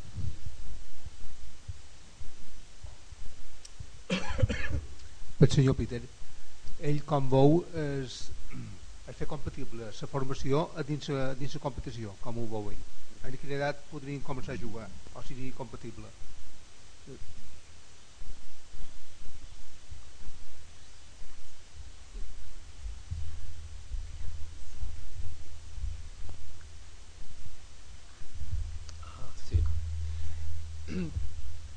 en alemán eh, hay una frase importante es en el campo. Uh, ne necesario es un uh, periodo, periodo, periodo uh, ma, um, muchos años. El niños pequeños no están um, jóvenes pequeños, es tan especial. Uh, cinco años uh, necesitamos sie Präpa Präparatio, äh, sie ähm, starten, beginnen, em- empiezan. con eh, cuatro años, Eh, necesitamos eh, preparar físico, eh, reglamente hier, eh, me- mente, ähm, sozial, äh, dass sie zusammen äh, wirken. Jun- Junto. So, ähm, äh, es, es ist ein großer Fehler, ähm, an Gran Falta äh, zu beginnen mit, mit großen Wettkämpfen zu früh. Tempra, mu- mu- muy temprano. empezar Ja, sí. Um, uh, en, en- mi opinión, opinión es uh, uh, ju- um, juegos pequeños s- uh, uh, son muy, muy importantes. Um, equipos pequeños, tres o cuatro niños y reglos muy, eh, eh, eh, um, eh, muy fácil, muy fácil y poco a poco im, ähm, verbessern, vergrößern, more complex. Äh, und, und komplexer und größer. Ja? Es, ist un, es ist un progreso, poco a poco. Äh, es, äh, es, äh, es ist nicht für, es ist nicht ähm, in, in Monaten, es ist in Jahren. Äh, Und das ist eine Frage der Entwicklung, äh, der äh, Entwicklung der Kinder. Entwicklung, dass sie wachsen, dass, äh, dass sie. Ne? De crecimiento. Ähm, ein- un amigo äh, de mí, äh, Horst Wein, äh, ist ein Spezialist äh, in, in, in, in este Thema. Thema. Äh, en- äh, ejemplos, ähm, äh, competición para los niños pequeños. Gracias. Bueno, eh, se nos hace muy tarde. Solo una cuestión para el señor Peter. Eh, ¿Cree usted bien hecho el que unos padres no dejen de ir, no dejen ir a su hijo a un entrenamiento por problemas con el colegio?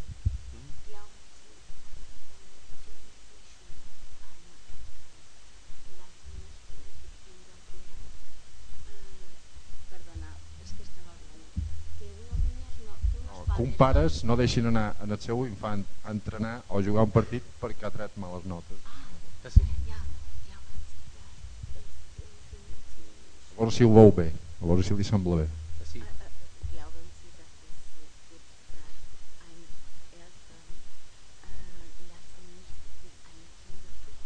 Glauben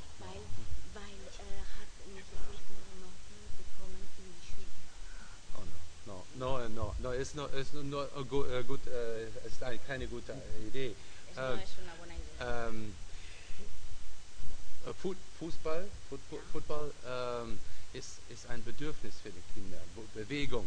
Äh, es darf nie Strafe sein, äh, Fußball nicht spielen zu lassen.